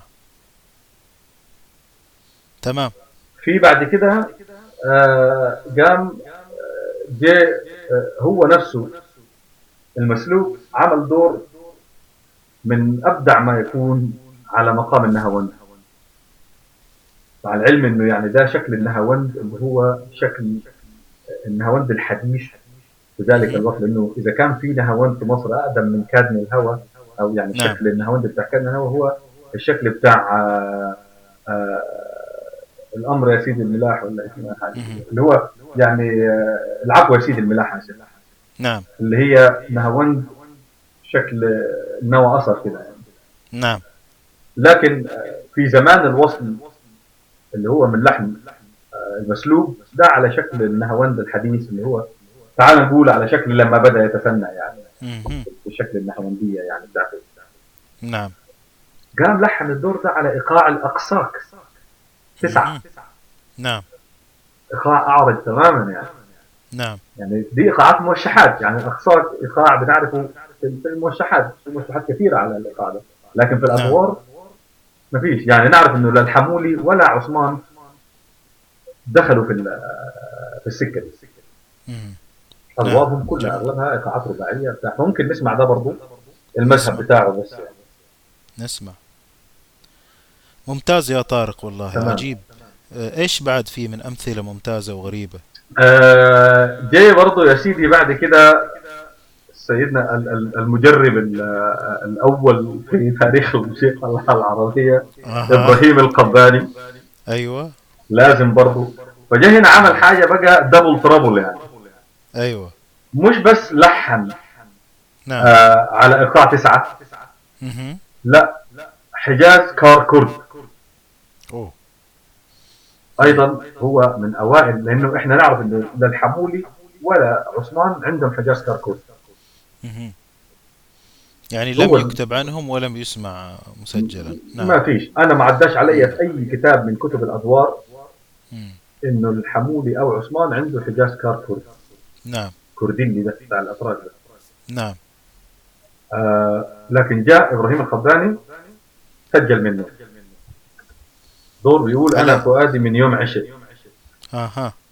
آه مغنيه سيد الصفتي. وللعلم. إنه سيد الصفتي هو المرجعية الأساسية لألحان إبراهيم القباني. أنا على ما يبدو كده إنه هو يعني سيد الصفتي كان عنده ولع شديد جدا بألحان القباني يعني. أو ممكن يكون إنه ده كان ألحانه هي الموضة. مهم. في أوائل القرن العشرين. ويمكن دي الاسطوانات الأكثر مبيعا ف غناها عشان يعني يكسب. يمشي. يعني يكون ما عايز مش عايز اظلم الراجل يعني ممكن يكون فعلا هو حابب ال- اللون ده من من الألحان يعني أكثر من أي حاجة. نعم.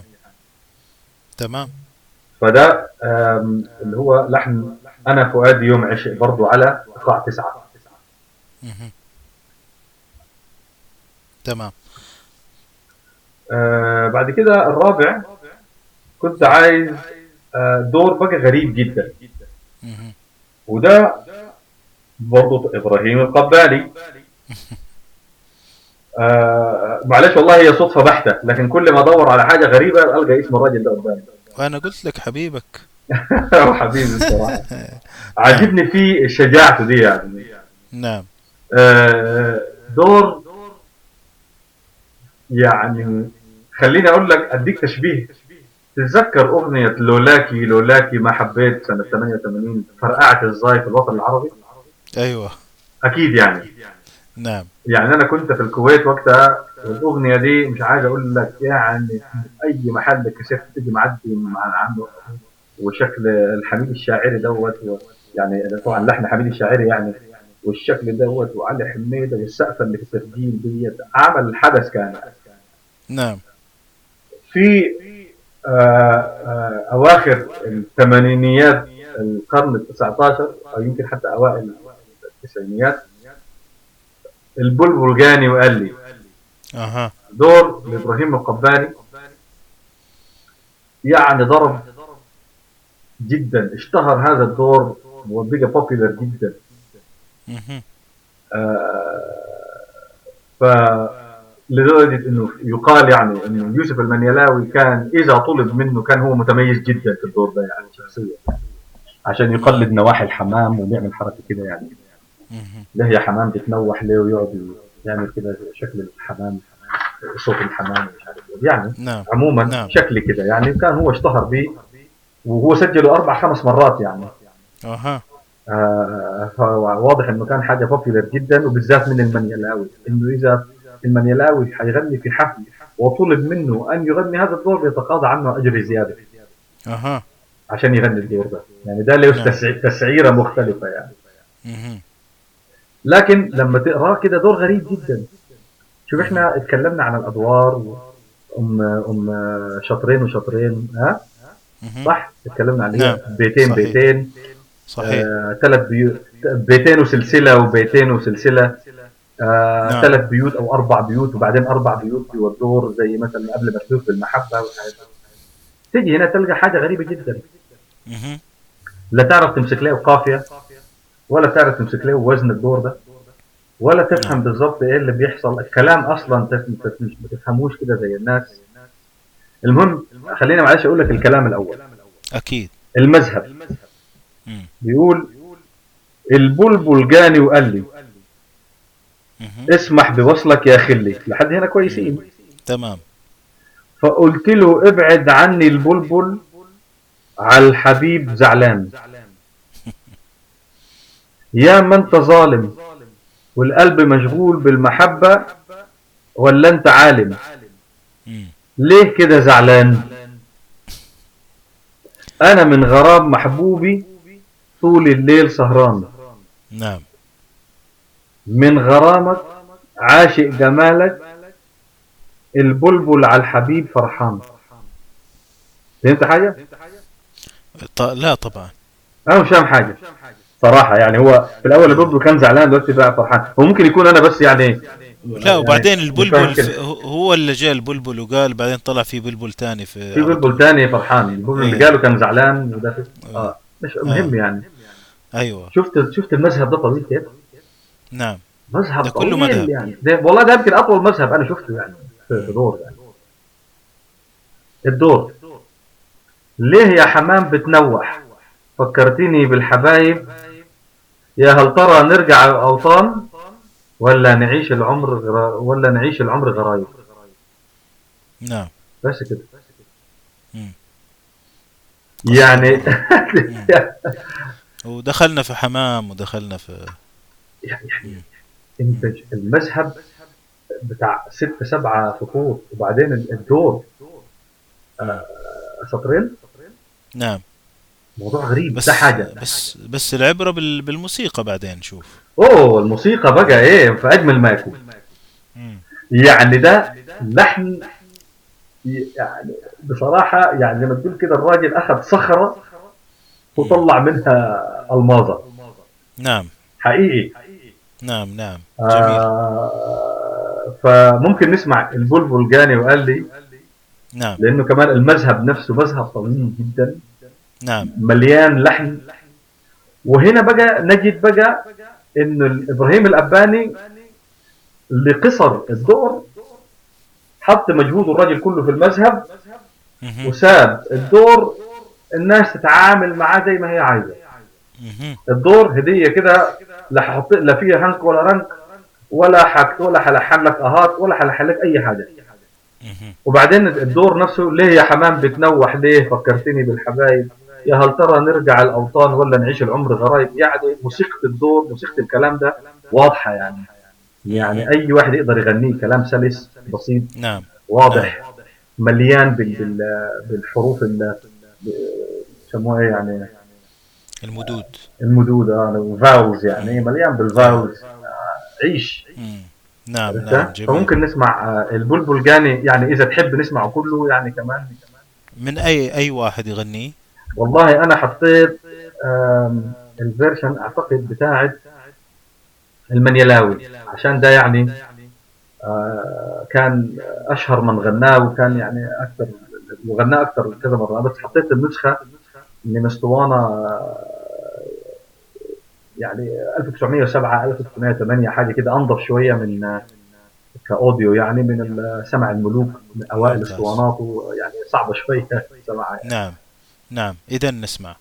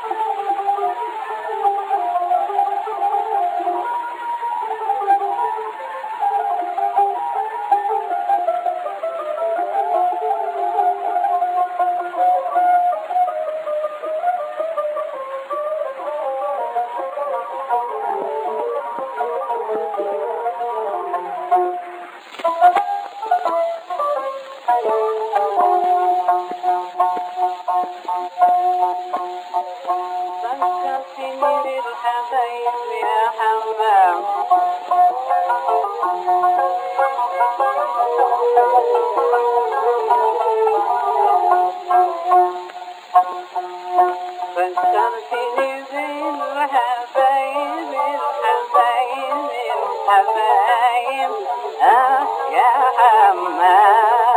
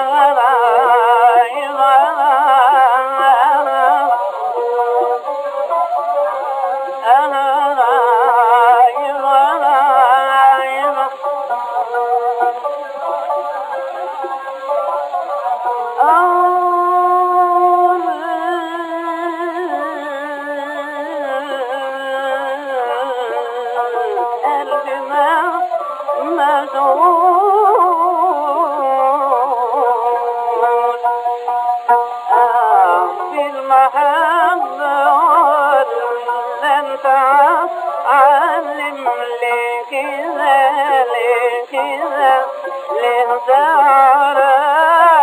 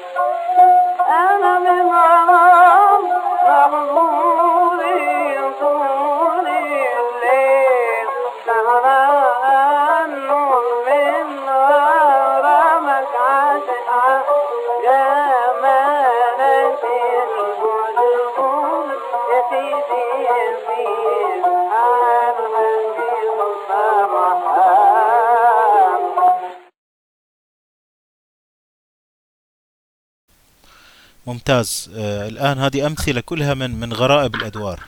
أيوه. مم. والهوس بالأدوار واضح عندك يا طارق يعني. هل من مزيد من من أمثلة أم نكتفي بالإشارة؟ والله آه غير كده كنت بس عايز أعمل مثال تاني وا- واحد. إحنا تطرقنا إلى الأدوار الحديثة جدا يعني اللي هي. قلنا الأدوار عهد الأسطوانات بقى يعني خلاص بقى اللي هو مش الاسطوانات بس مش عهد الاسطوانات بس عهد الاسطوانات والكوبي رايت نعم. اللي هو مثلا آه، زكريا أحمد غنى أنت فاهم وسجله اسطوانة الدور ده بتاع زكريا أحمد. أي حد تاني نعم. عايز يغنيه لازم ياخد إذن زكريا ولازم ياخد إذن شركة الاسطوانات والكلام ده. فتجد إنه أنت فاهم في عصر الاسطوانات مش موجود غير بصوته هو بس. نعم. بينما قبلي ب 20 سنة مثلا كنت هتلاقي لو هو دور حلو الناس كلها بتغنيه هتلاقيه بصوت المنيلاوي وبصوت عبد الحي وبصوت آه، سليمان أبو داوود والصفي كله يغني. تمام. وتسمع بقى إيه كل واحد والش... تسمع أربع خمس أشكال لنفس الدور. القلب يا منتظر مثلا لعبد الوهاب. نعم. دور النكريز اللي هو يعني شبيه جدا مذهبه من آه، مذهب سيد درويش النكريز. نعم. يعجبني. نعم. آه، ولكن خلينا نقول آه، في دورين آه، بالذات عايز أستعملهم كمثال للدور اللي أنا بقول عليه يعني أصبح دور في شكل أغنية. أو. آسف أغنية في شكل دور. آه، إمتى الهوى يجي سوا أو روحي وروحك في امتزاج نعم مع العلم إن دول ملح... الملحنين هنا. روحي روحك امتزاج الحان داوود حسني. وهذا نعم. ملحن أدوار كبير جدا. نعم. معروف يعني غني عن التعريف وادواره نعم. تشهد عليه يعني. نعم. وامتى الهوى يجي سوا؟ الشيخ زكريا أحمد يعني. نعم. امتداد مدرسة ال- ال- ال- ال- ال- ال- الفصحى في الموسيقى الشرقية أو الموسيقى العربية. نعم. تمام. نعم.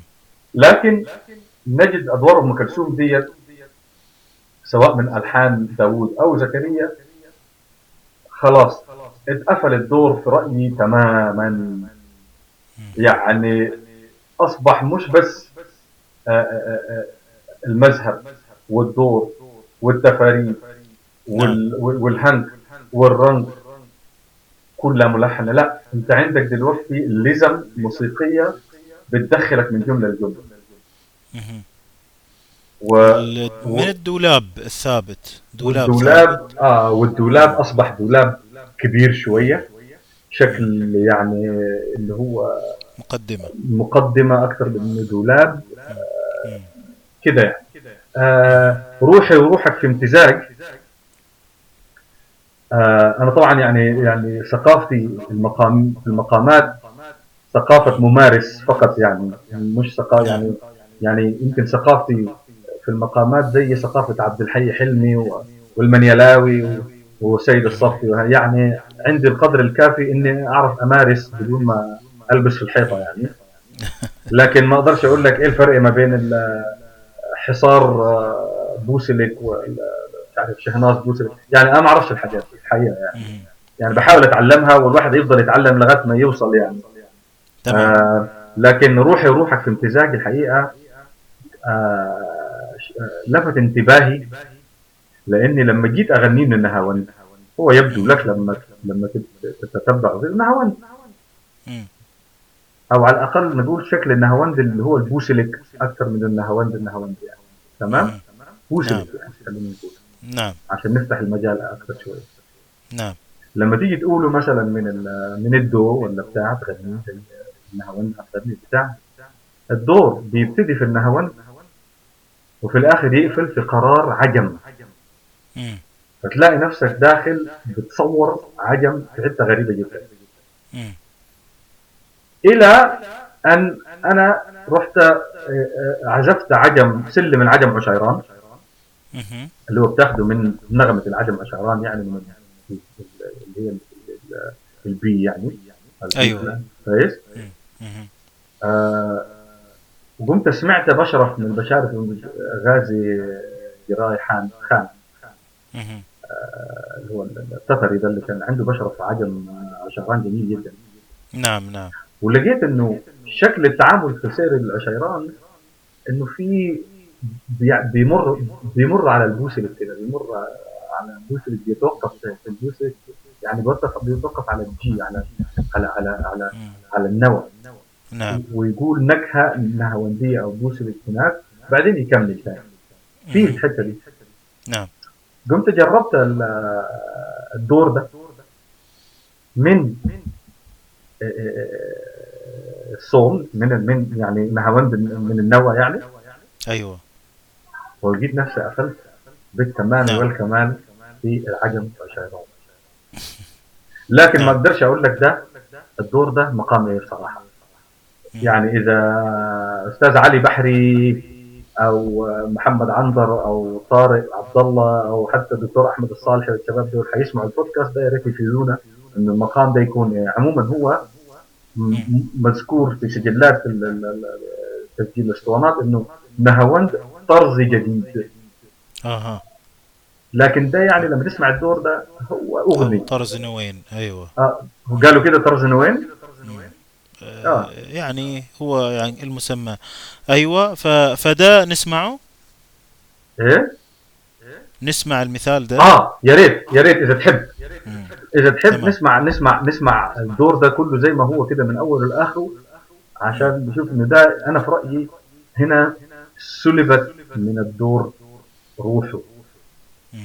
واستبدلت بجمل لحنية جميلة يسموها يعني جلوسي شيك آه رشيق آه صوت أم كلثوم. طبعا الموضوع كله إظهار صوت قدرة أم كلثوم وجلجلتها وكل حاجة. ولحن طبعا جميل جدا من داوود حسني لكن هو دور مقفول مسوجر من الألف إلى الياء. أم كلثوم داخله تغنيه فقط و... و... و... ولأن يأتينا حد بتسجيل. حي. لام كلثوم بتغني فيه الدور ده وتتفرد وتغني وتقول وتقول وتقول وترجع وتقول. حتلاقي إنه إنه إنه الدور هو اللي سايق الصوت. أو هو اللحن هو اللي سايق المطرب مش المطرب اللي سايق المطرب. أها نعم. تمام. ممتاز.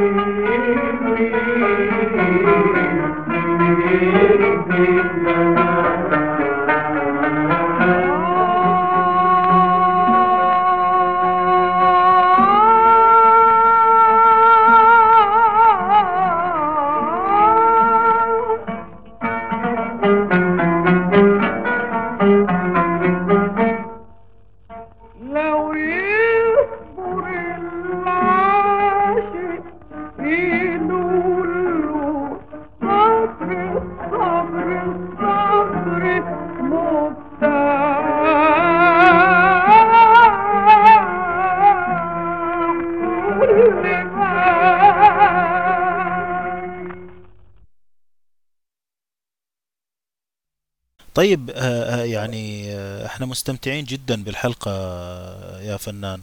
لكن يعني هل ممكن تمر كده مرور خاطف على أسياد فن الدور من ملحنين ومطربين وتعطينا. بعض الميزات كده المختصرة؟ على أساس الناس تروح جميل. تسمع وتستكشف وتستمتع وتتعلم جميل جدا. طيب آه من الملحنين الرحيم المسلوب. واخذ جنبه على طول آه الخضراوي. محمود افندي الخضراوي. نعم. آه دول اللي هو شكل الدور ال- ال- ال- ال- البسيط. آه نعم. اللي تكلمنا عليه في الأول. نعم. آه أنا بشوف إن دي هم دول يمكن أقرب الأدوار إلى نفسي أنا شخصيا. آه بجد في الألحان دي كده روحانية وسهل الممتنع واضح جدا وجميل وبسيط ويخش القلب يعني. ده المسلوب آه وأقول قدامه على طول المطرب المطربين يعني اللي غنوا أدواره أكثر من غنى أدوار المسلوب عبد الحي حلمي. وبرضه غنى له كمية مش بطالة آه، داوود آه، سليمان أبو داوود.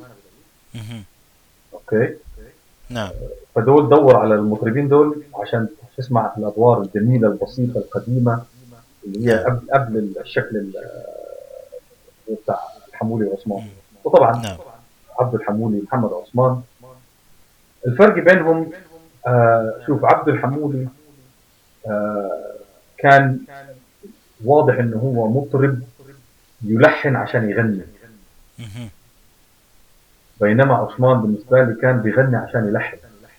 يعني الغناء يبدو كان وسيلة لتوصيل الحانه فتجد فأنا آه متفق مع آه تحليل قسطندي آه، قسط- آه آه، قسطندي والخلعي برضه تطرق يعني. نعم. إنه عثمان كان الملحن ال- ال- ال- يعني متقن أكثر في الصنعة. وعبد الحمولي كان متقن أكثر في الغناء.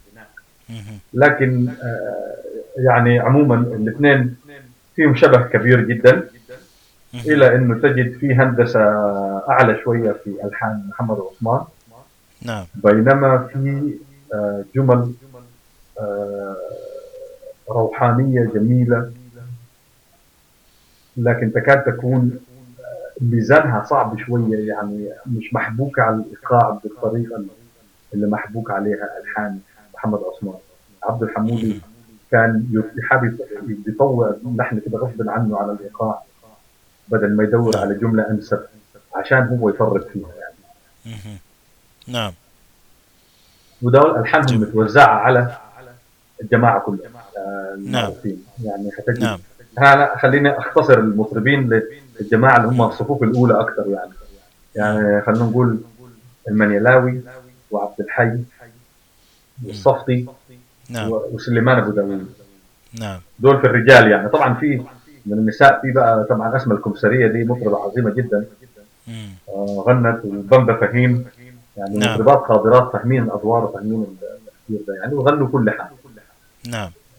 آه داوود والقباني. داوود حسني. نعم. طبعا. الملحن الشهير وابراهيم نعم. القباني اللي تكلمنا عنه دلوقتي يعني. في الادوار نعم. الغريبة والعجيبة. نعم. آه داوود حسني أنا بشوف إنه هو ابن الحمولي وعثمان. نعم.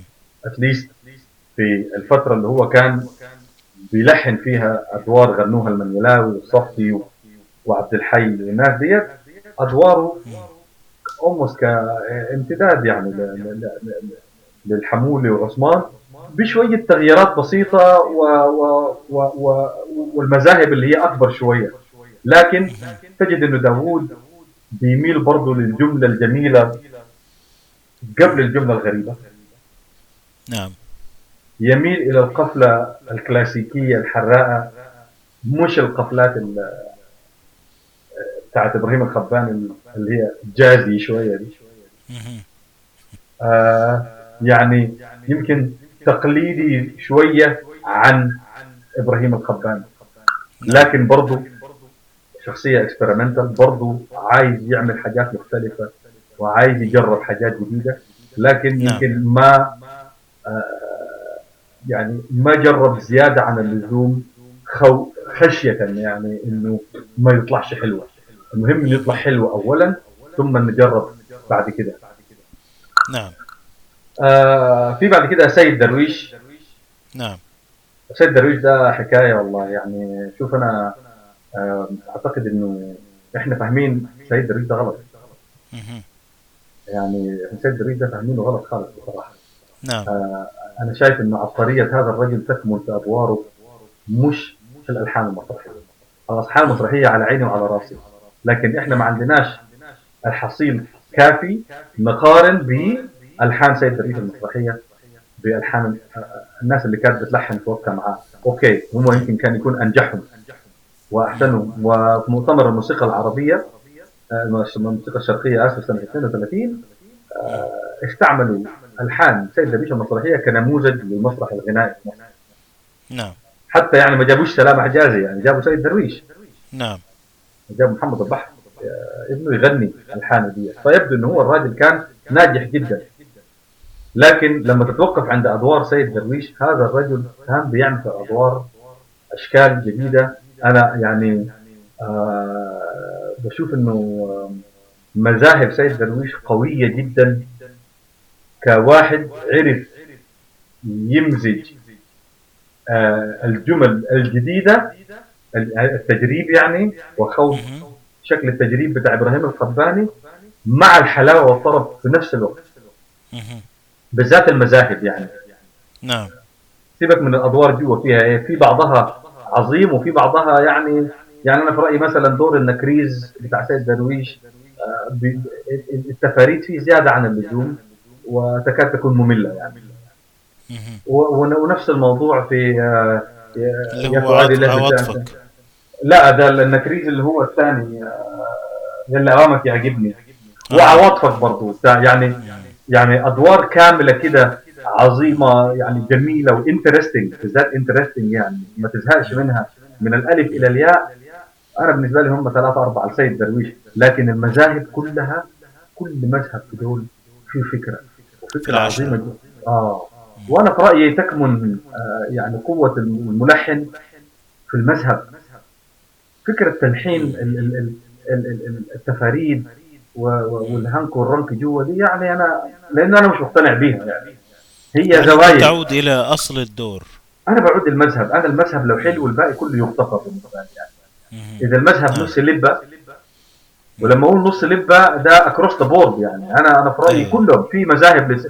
في مذاهب لمحمد عثمان وعبده الحامولي وداوود والقباني وكل الناس العظيمة اللي قلت لك دي عندهم مذاهب نص اللبه يعني. مذاهب انتيكه مش حلوة يعني. مش حلوة. يعني تجد اللحن كده تلاقيه يعني كده ضعيف. نعم. لكن عموما ساكت. سيد درويش تجد انه إنه حتى لما عمل آه، لحن أنا كنت بسمع في اللحن بتاعه اللي هو البستنيكار أيوه. وده مقام مركب يعني. آه، صبا وسيكا عراق. صبا سيكا عراق. فكيف تولف بين الاثنين يعني. بشكل طربي وجميل وبتاع فاقول اسمع دور عشقت حسنك. نعم. وجد فيه سيد درويش هذا الشكل.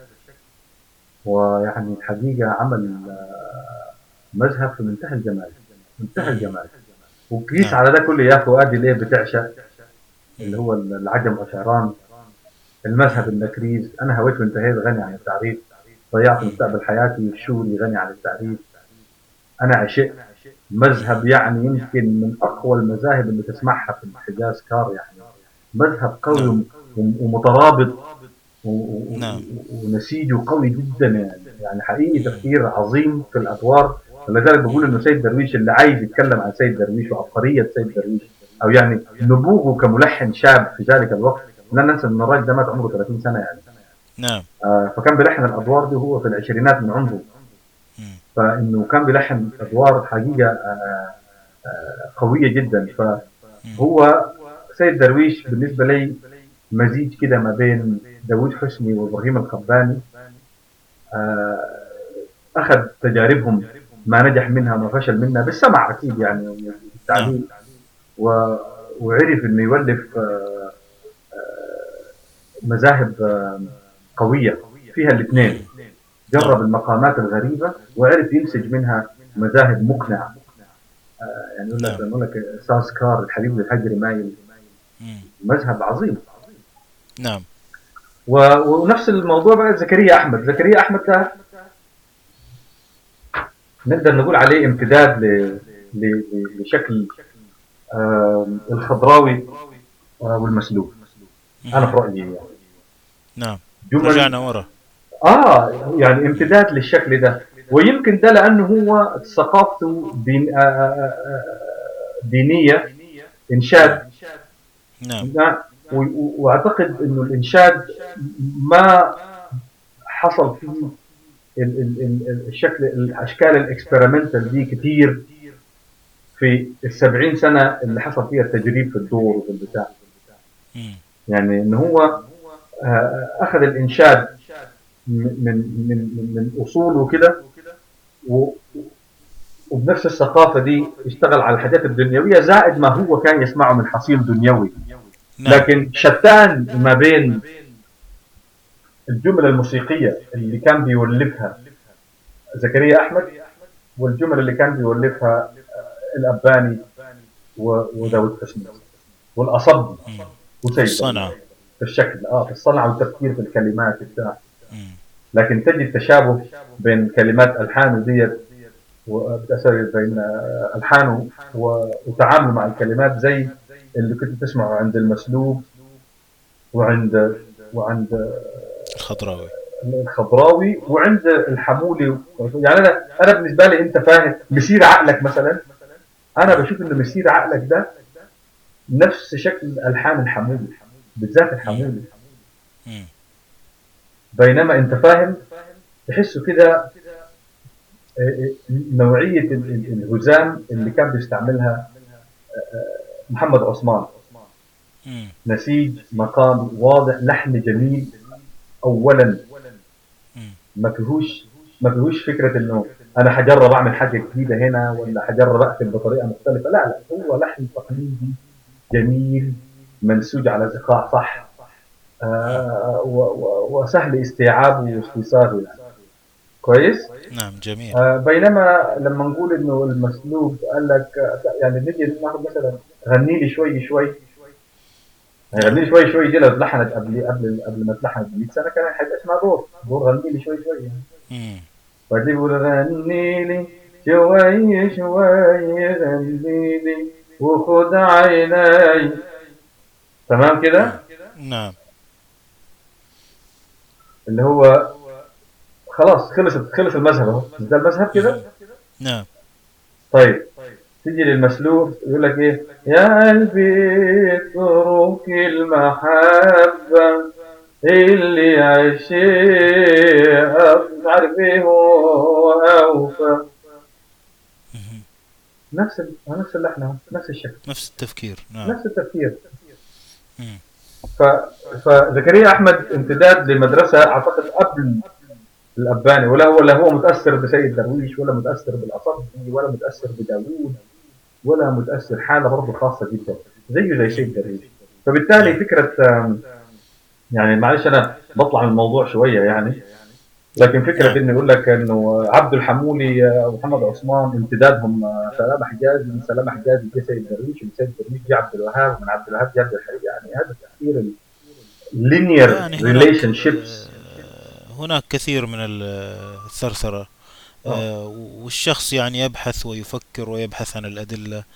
أحسن من أنه يحفظ كلام الجرنان و- وكلام الإذاعي وكلام ناس أصلا مش شغالة في في المجتمع الموسيقي. يعني كفاية نحمل على أكتافنا أفكار ومفاهيم بتأخرنا في الفهم وفي الذوق وفي الإنتاج. آه، جميل جدا والله. أيوة. أنت الآن أنت أنا- الآن مررتنا على أسياد فن الدور والملحنين. أيوه. كويس. أنا كنت عايز أقول لك فعلا دول أسياد فن الدور. في ناس ثانية نعم. لحنت في الأدوار. آه وطبعا يعني يمكن من ألمع الأسامي اللي أنا سبتها وما ما جبت سيرتها محمد الاصبي. آه هذا الملحن العظيم المجدد يعني عنده تفكير موسيقى عظيم لا شك لكن. في قالب الدور يبدو إنه كان هذا الرجل يلحن على مضض مم. ألحان ادواره ما جانا منها سمعت آه، أنا بصنفها نعم. من من من من ده تصنيف شخصي يعني لا افرضه على حد طبعا بتاتا نعم. لكن تصنيفي أنا الشخصي إنه أدوار محمد الاصبي هي أضعف ما ما ما, لحن. محمد. نعم. طيب آه، أستاذ طارق أنت الآن آه، كمهووس بالدور حدثنا عن آه، يعني ولو سريعا عن متعة في التناول والحفظ والأداء والإتقان وعالم السميع اليوم الذين يحبون الأدوار إلى جانب بقية القوالب اللي تسمعها منك. والله شوف متعة السمع في الأدوار بالذات اللي هي الأدوار في- القديمة ديت اللي سج- اللي سجلوها كذا حد بديهية كده إنك تسمعه من كذا فنان. تسمع من كذا حد من الجماعة دول. يعني تيجي لدور مثلا في البعد ياما. ده من أوائل الأدوار اللي أنا سمعتها وحبيتها يعني.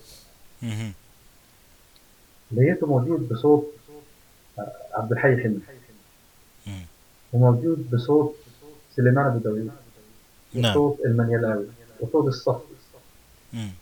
ومحمد السابع. وبعدين ثاني تلاقيه بعد كده في الثلاثينات ولا في الأربعينات في الإذاعة بصوت صالح عبد الحي. فدي ألو... دي في حد ذاتها متعة. تقعد كده أنت بتقعد بتشوف كأنه أربع خمس تنفار بيحكوا لك نفس القصة كلها تحكيها لك باسلوب وتاخذ من كل واحد حلاوة طريقة الإلقاء ديت وبيعمل إيه وبيروح فين وبتاع فده من حد نفس حد نفس حد ذاته متعة. مهم. آم، بحب فيه آه، آه، آه، الكلمة الحلوة. نعم. في كلمات جميلة آه، كلمات مهذبة آه، منسقة آه، جميلة اللي- يعني في هي اللي فيها لحن كده طبيعي. تقدر تغنيه وت- تمشي معاه. زي ما قلت لك فيها حاجات كده زي الحكم مرات.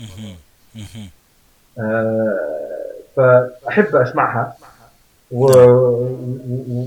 وأتعلمها. يعني عموما بتخش نعم. القلب كده على طول لما لما لما تبتدي تشتغل على دور يعني. نعم. آه، فكرة الأداء بقى والإتقان. نعم. أقول لك إنه حلاوتها الحرية في الأداء. نعم. هذه الحرية يعني هي سلاح ذو حدين ما في شك يعني. أنت ممكن الحرية زياده عن اللزوم تروح ملبسك في الحيط تلاقي نفسك آه، نعم. تهت ورحت. وياما حصلت لي ياما. خلي الدكتور أحمد الصالح يحكي لك يعني الفضايح. ياما. نعم. أوكي؟ لكن هي الممارسة يعني بتعلم عارف؟ نعم.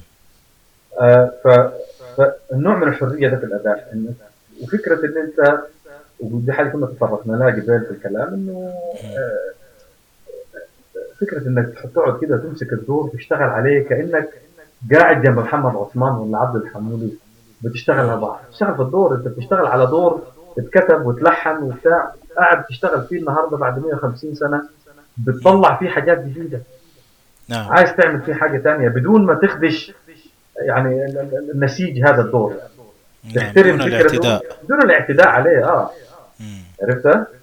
نعم بتحاول تحط شخصيتك على الحاجة بحيث إن يطلع الدور ده زي ما زمان كنا نقول مثلا آه، دي آه، صيغة يا سلام اسمع دور البلبل جاني وقلم المنيلاوي. و- و- واسمع دور كذا من سيد الصفي اسمع دور كذا يعني كل واحد من دول واضح إنه كان بيتميز في أدواره وفي أدوار ثانية مش نعم. متميز وهكذا وبتاع. عرفت؟ فيقول لك نعم. مثلا تعال نسمع مثلا دور البعد ياما بصيغة طارق بشير نعم عرفت؟ نعم آه، نعم فأنا بشتغل على الحتة دي دلوقتي بحاول إن أنا آه، آه، أخوض تجربة إنه كل دور يطلع أنا بغنيه لازم يطلع من شخصيتي أنا من نعم من, من, من بشكل اللي أنا عايز أعمله ومع العلم. أنت بتعمل recycling في like إذا جاز التعبير ل tradition. ماتت وشبعت موت. نعم. إذا قلنا فأنت يعني تعيد بعث آه، ثقافة آه، زي اللي هجرت يعني. حتى توقف التلحين توقف الأداء أصبحت يعني إذا أديت آه، كأنها أداءات متحفية وأداءات متخشبة. ما هي في الخمسينات والستينات اتأدت أداء- أداءات كده. ومع احترامي لكارم محمود مطرب عظيم. ومع احترامي لعباس البليدي أيضا مطرب عظيم.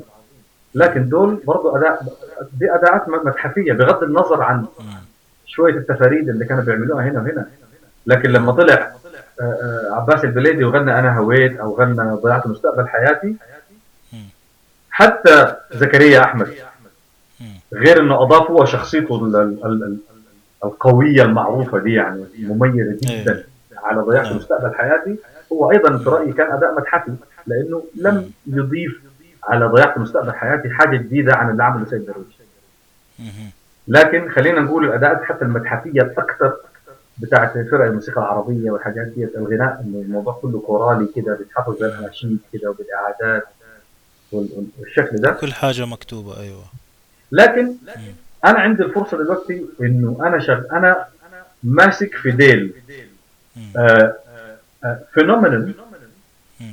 اسمها منتديات التسجيلات القديمة اللي موجودة سواء ذرياب زمان الوصل سماعي آه لازم لا آه آه أنا المصري المرحوم محمد حسان آه من المنشئين آه مصري فون آه دكتور عصمت المندل كويس.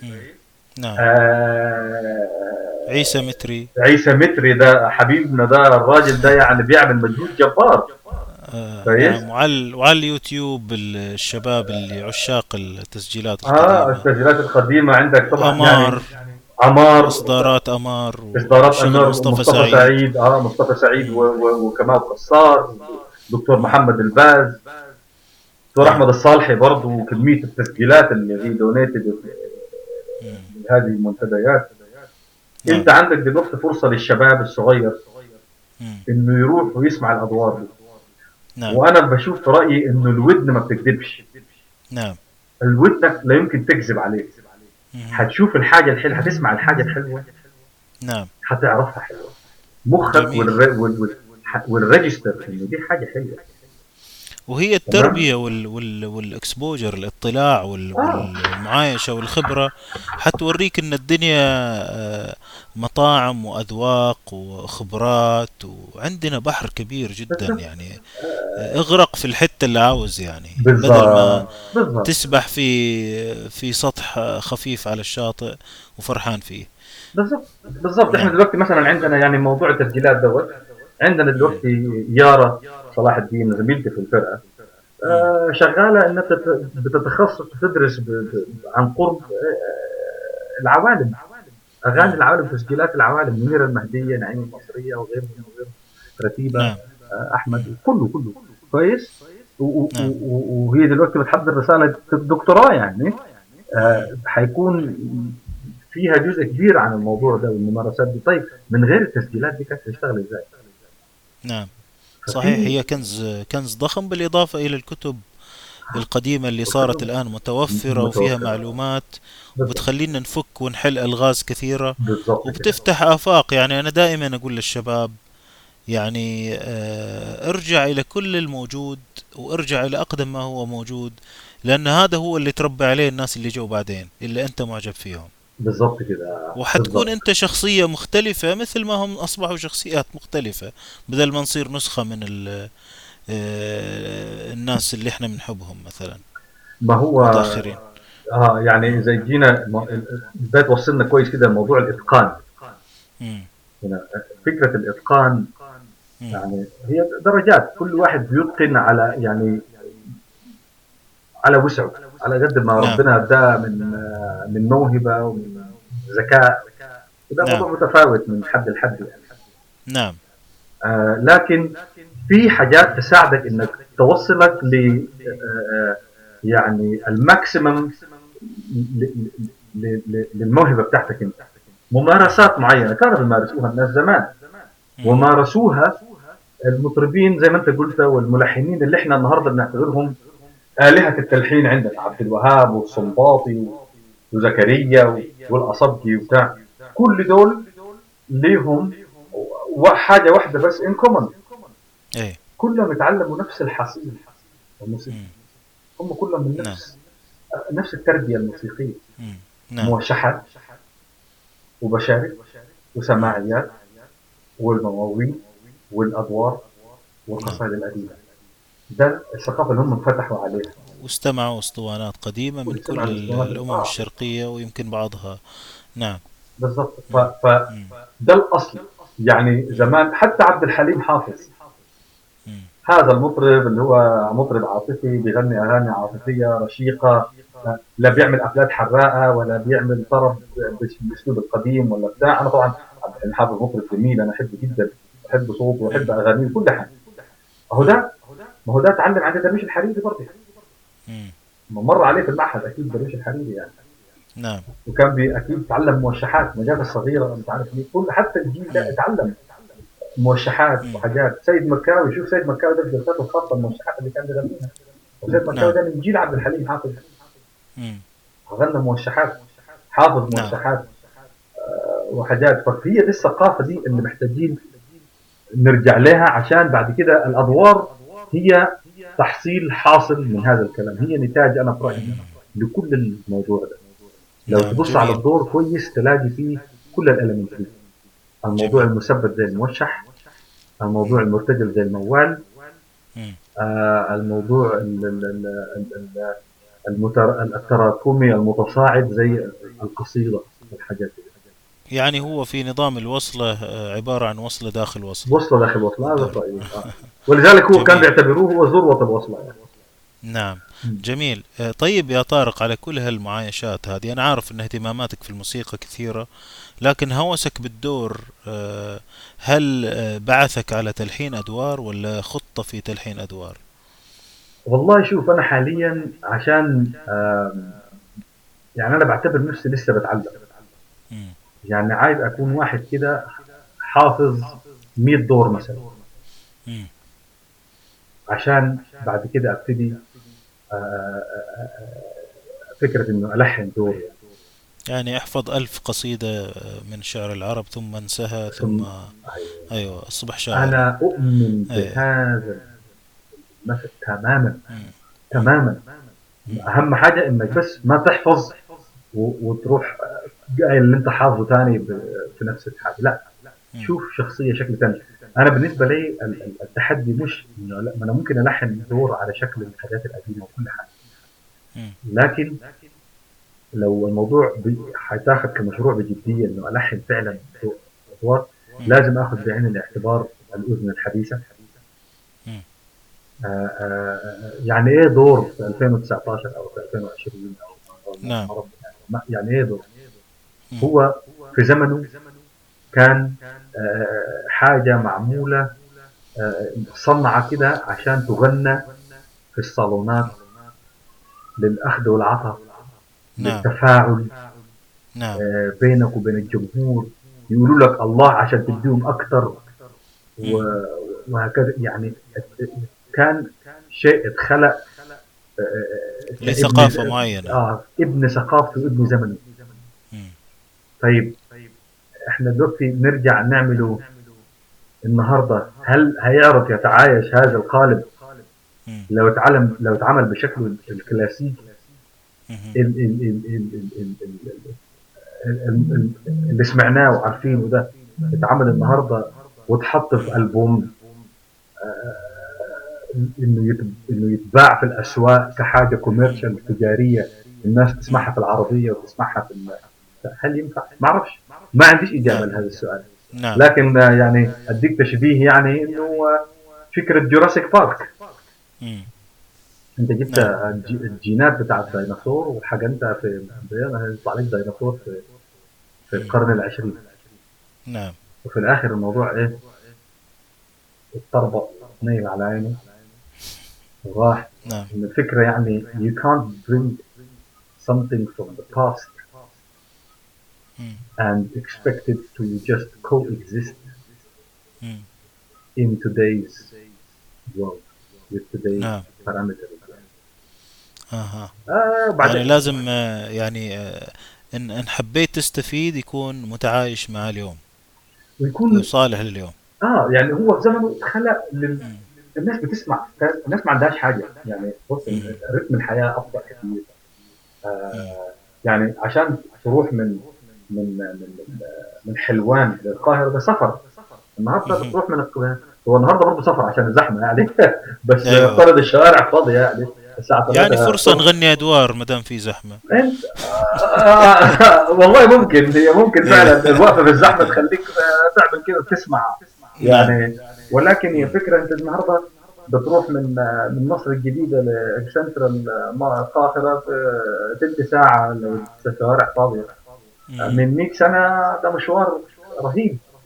نعم. قاعد في الكاريستا ما بتعملش حاجة. لا في موبايل بتلعب فيه. ولا في Walkman بتقعد تسمع فيه حاجات. ولا أنت قاعد تعمل إيه؟ نعم. قاعد بتتفرج على ال على ال على الدنيا على الشارع. قاعد بتفكر بتكتب في حاجة. نعم. نعم. بتفكر في شيء. فرتم الحياة أبطأ. وأعتقد يعني قسم الايماجينيشن والسمع والروقان في المخ البني آدم بتاع زمان ده يستوعب إنه يقعد يسمع ساعة. واحد بيقول آه سحر الجفون الجفون الجفون. خد مني قلبي خد مني قلبي. نص ساعة يقول في الثلاث كلمات دول.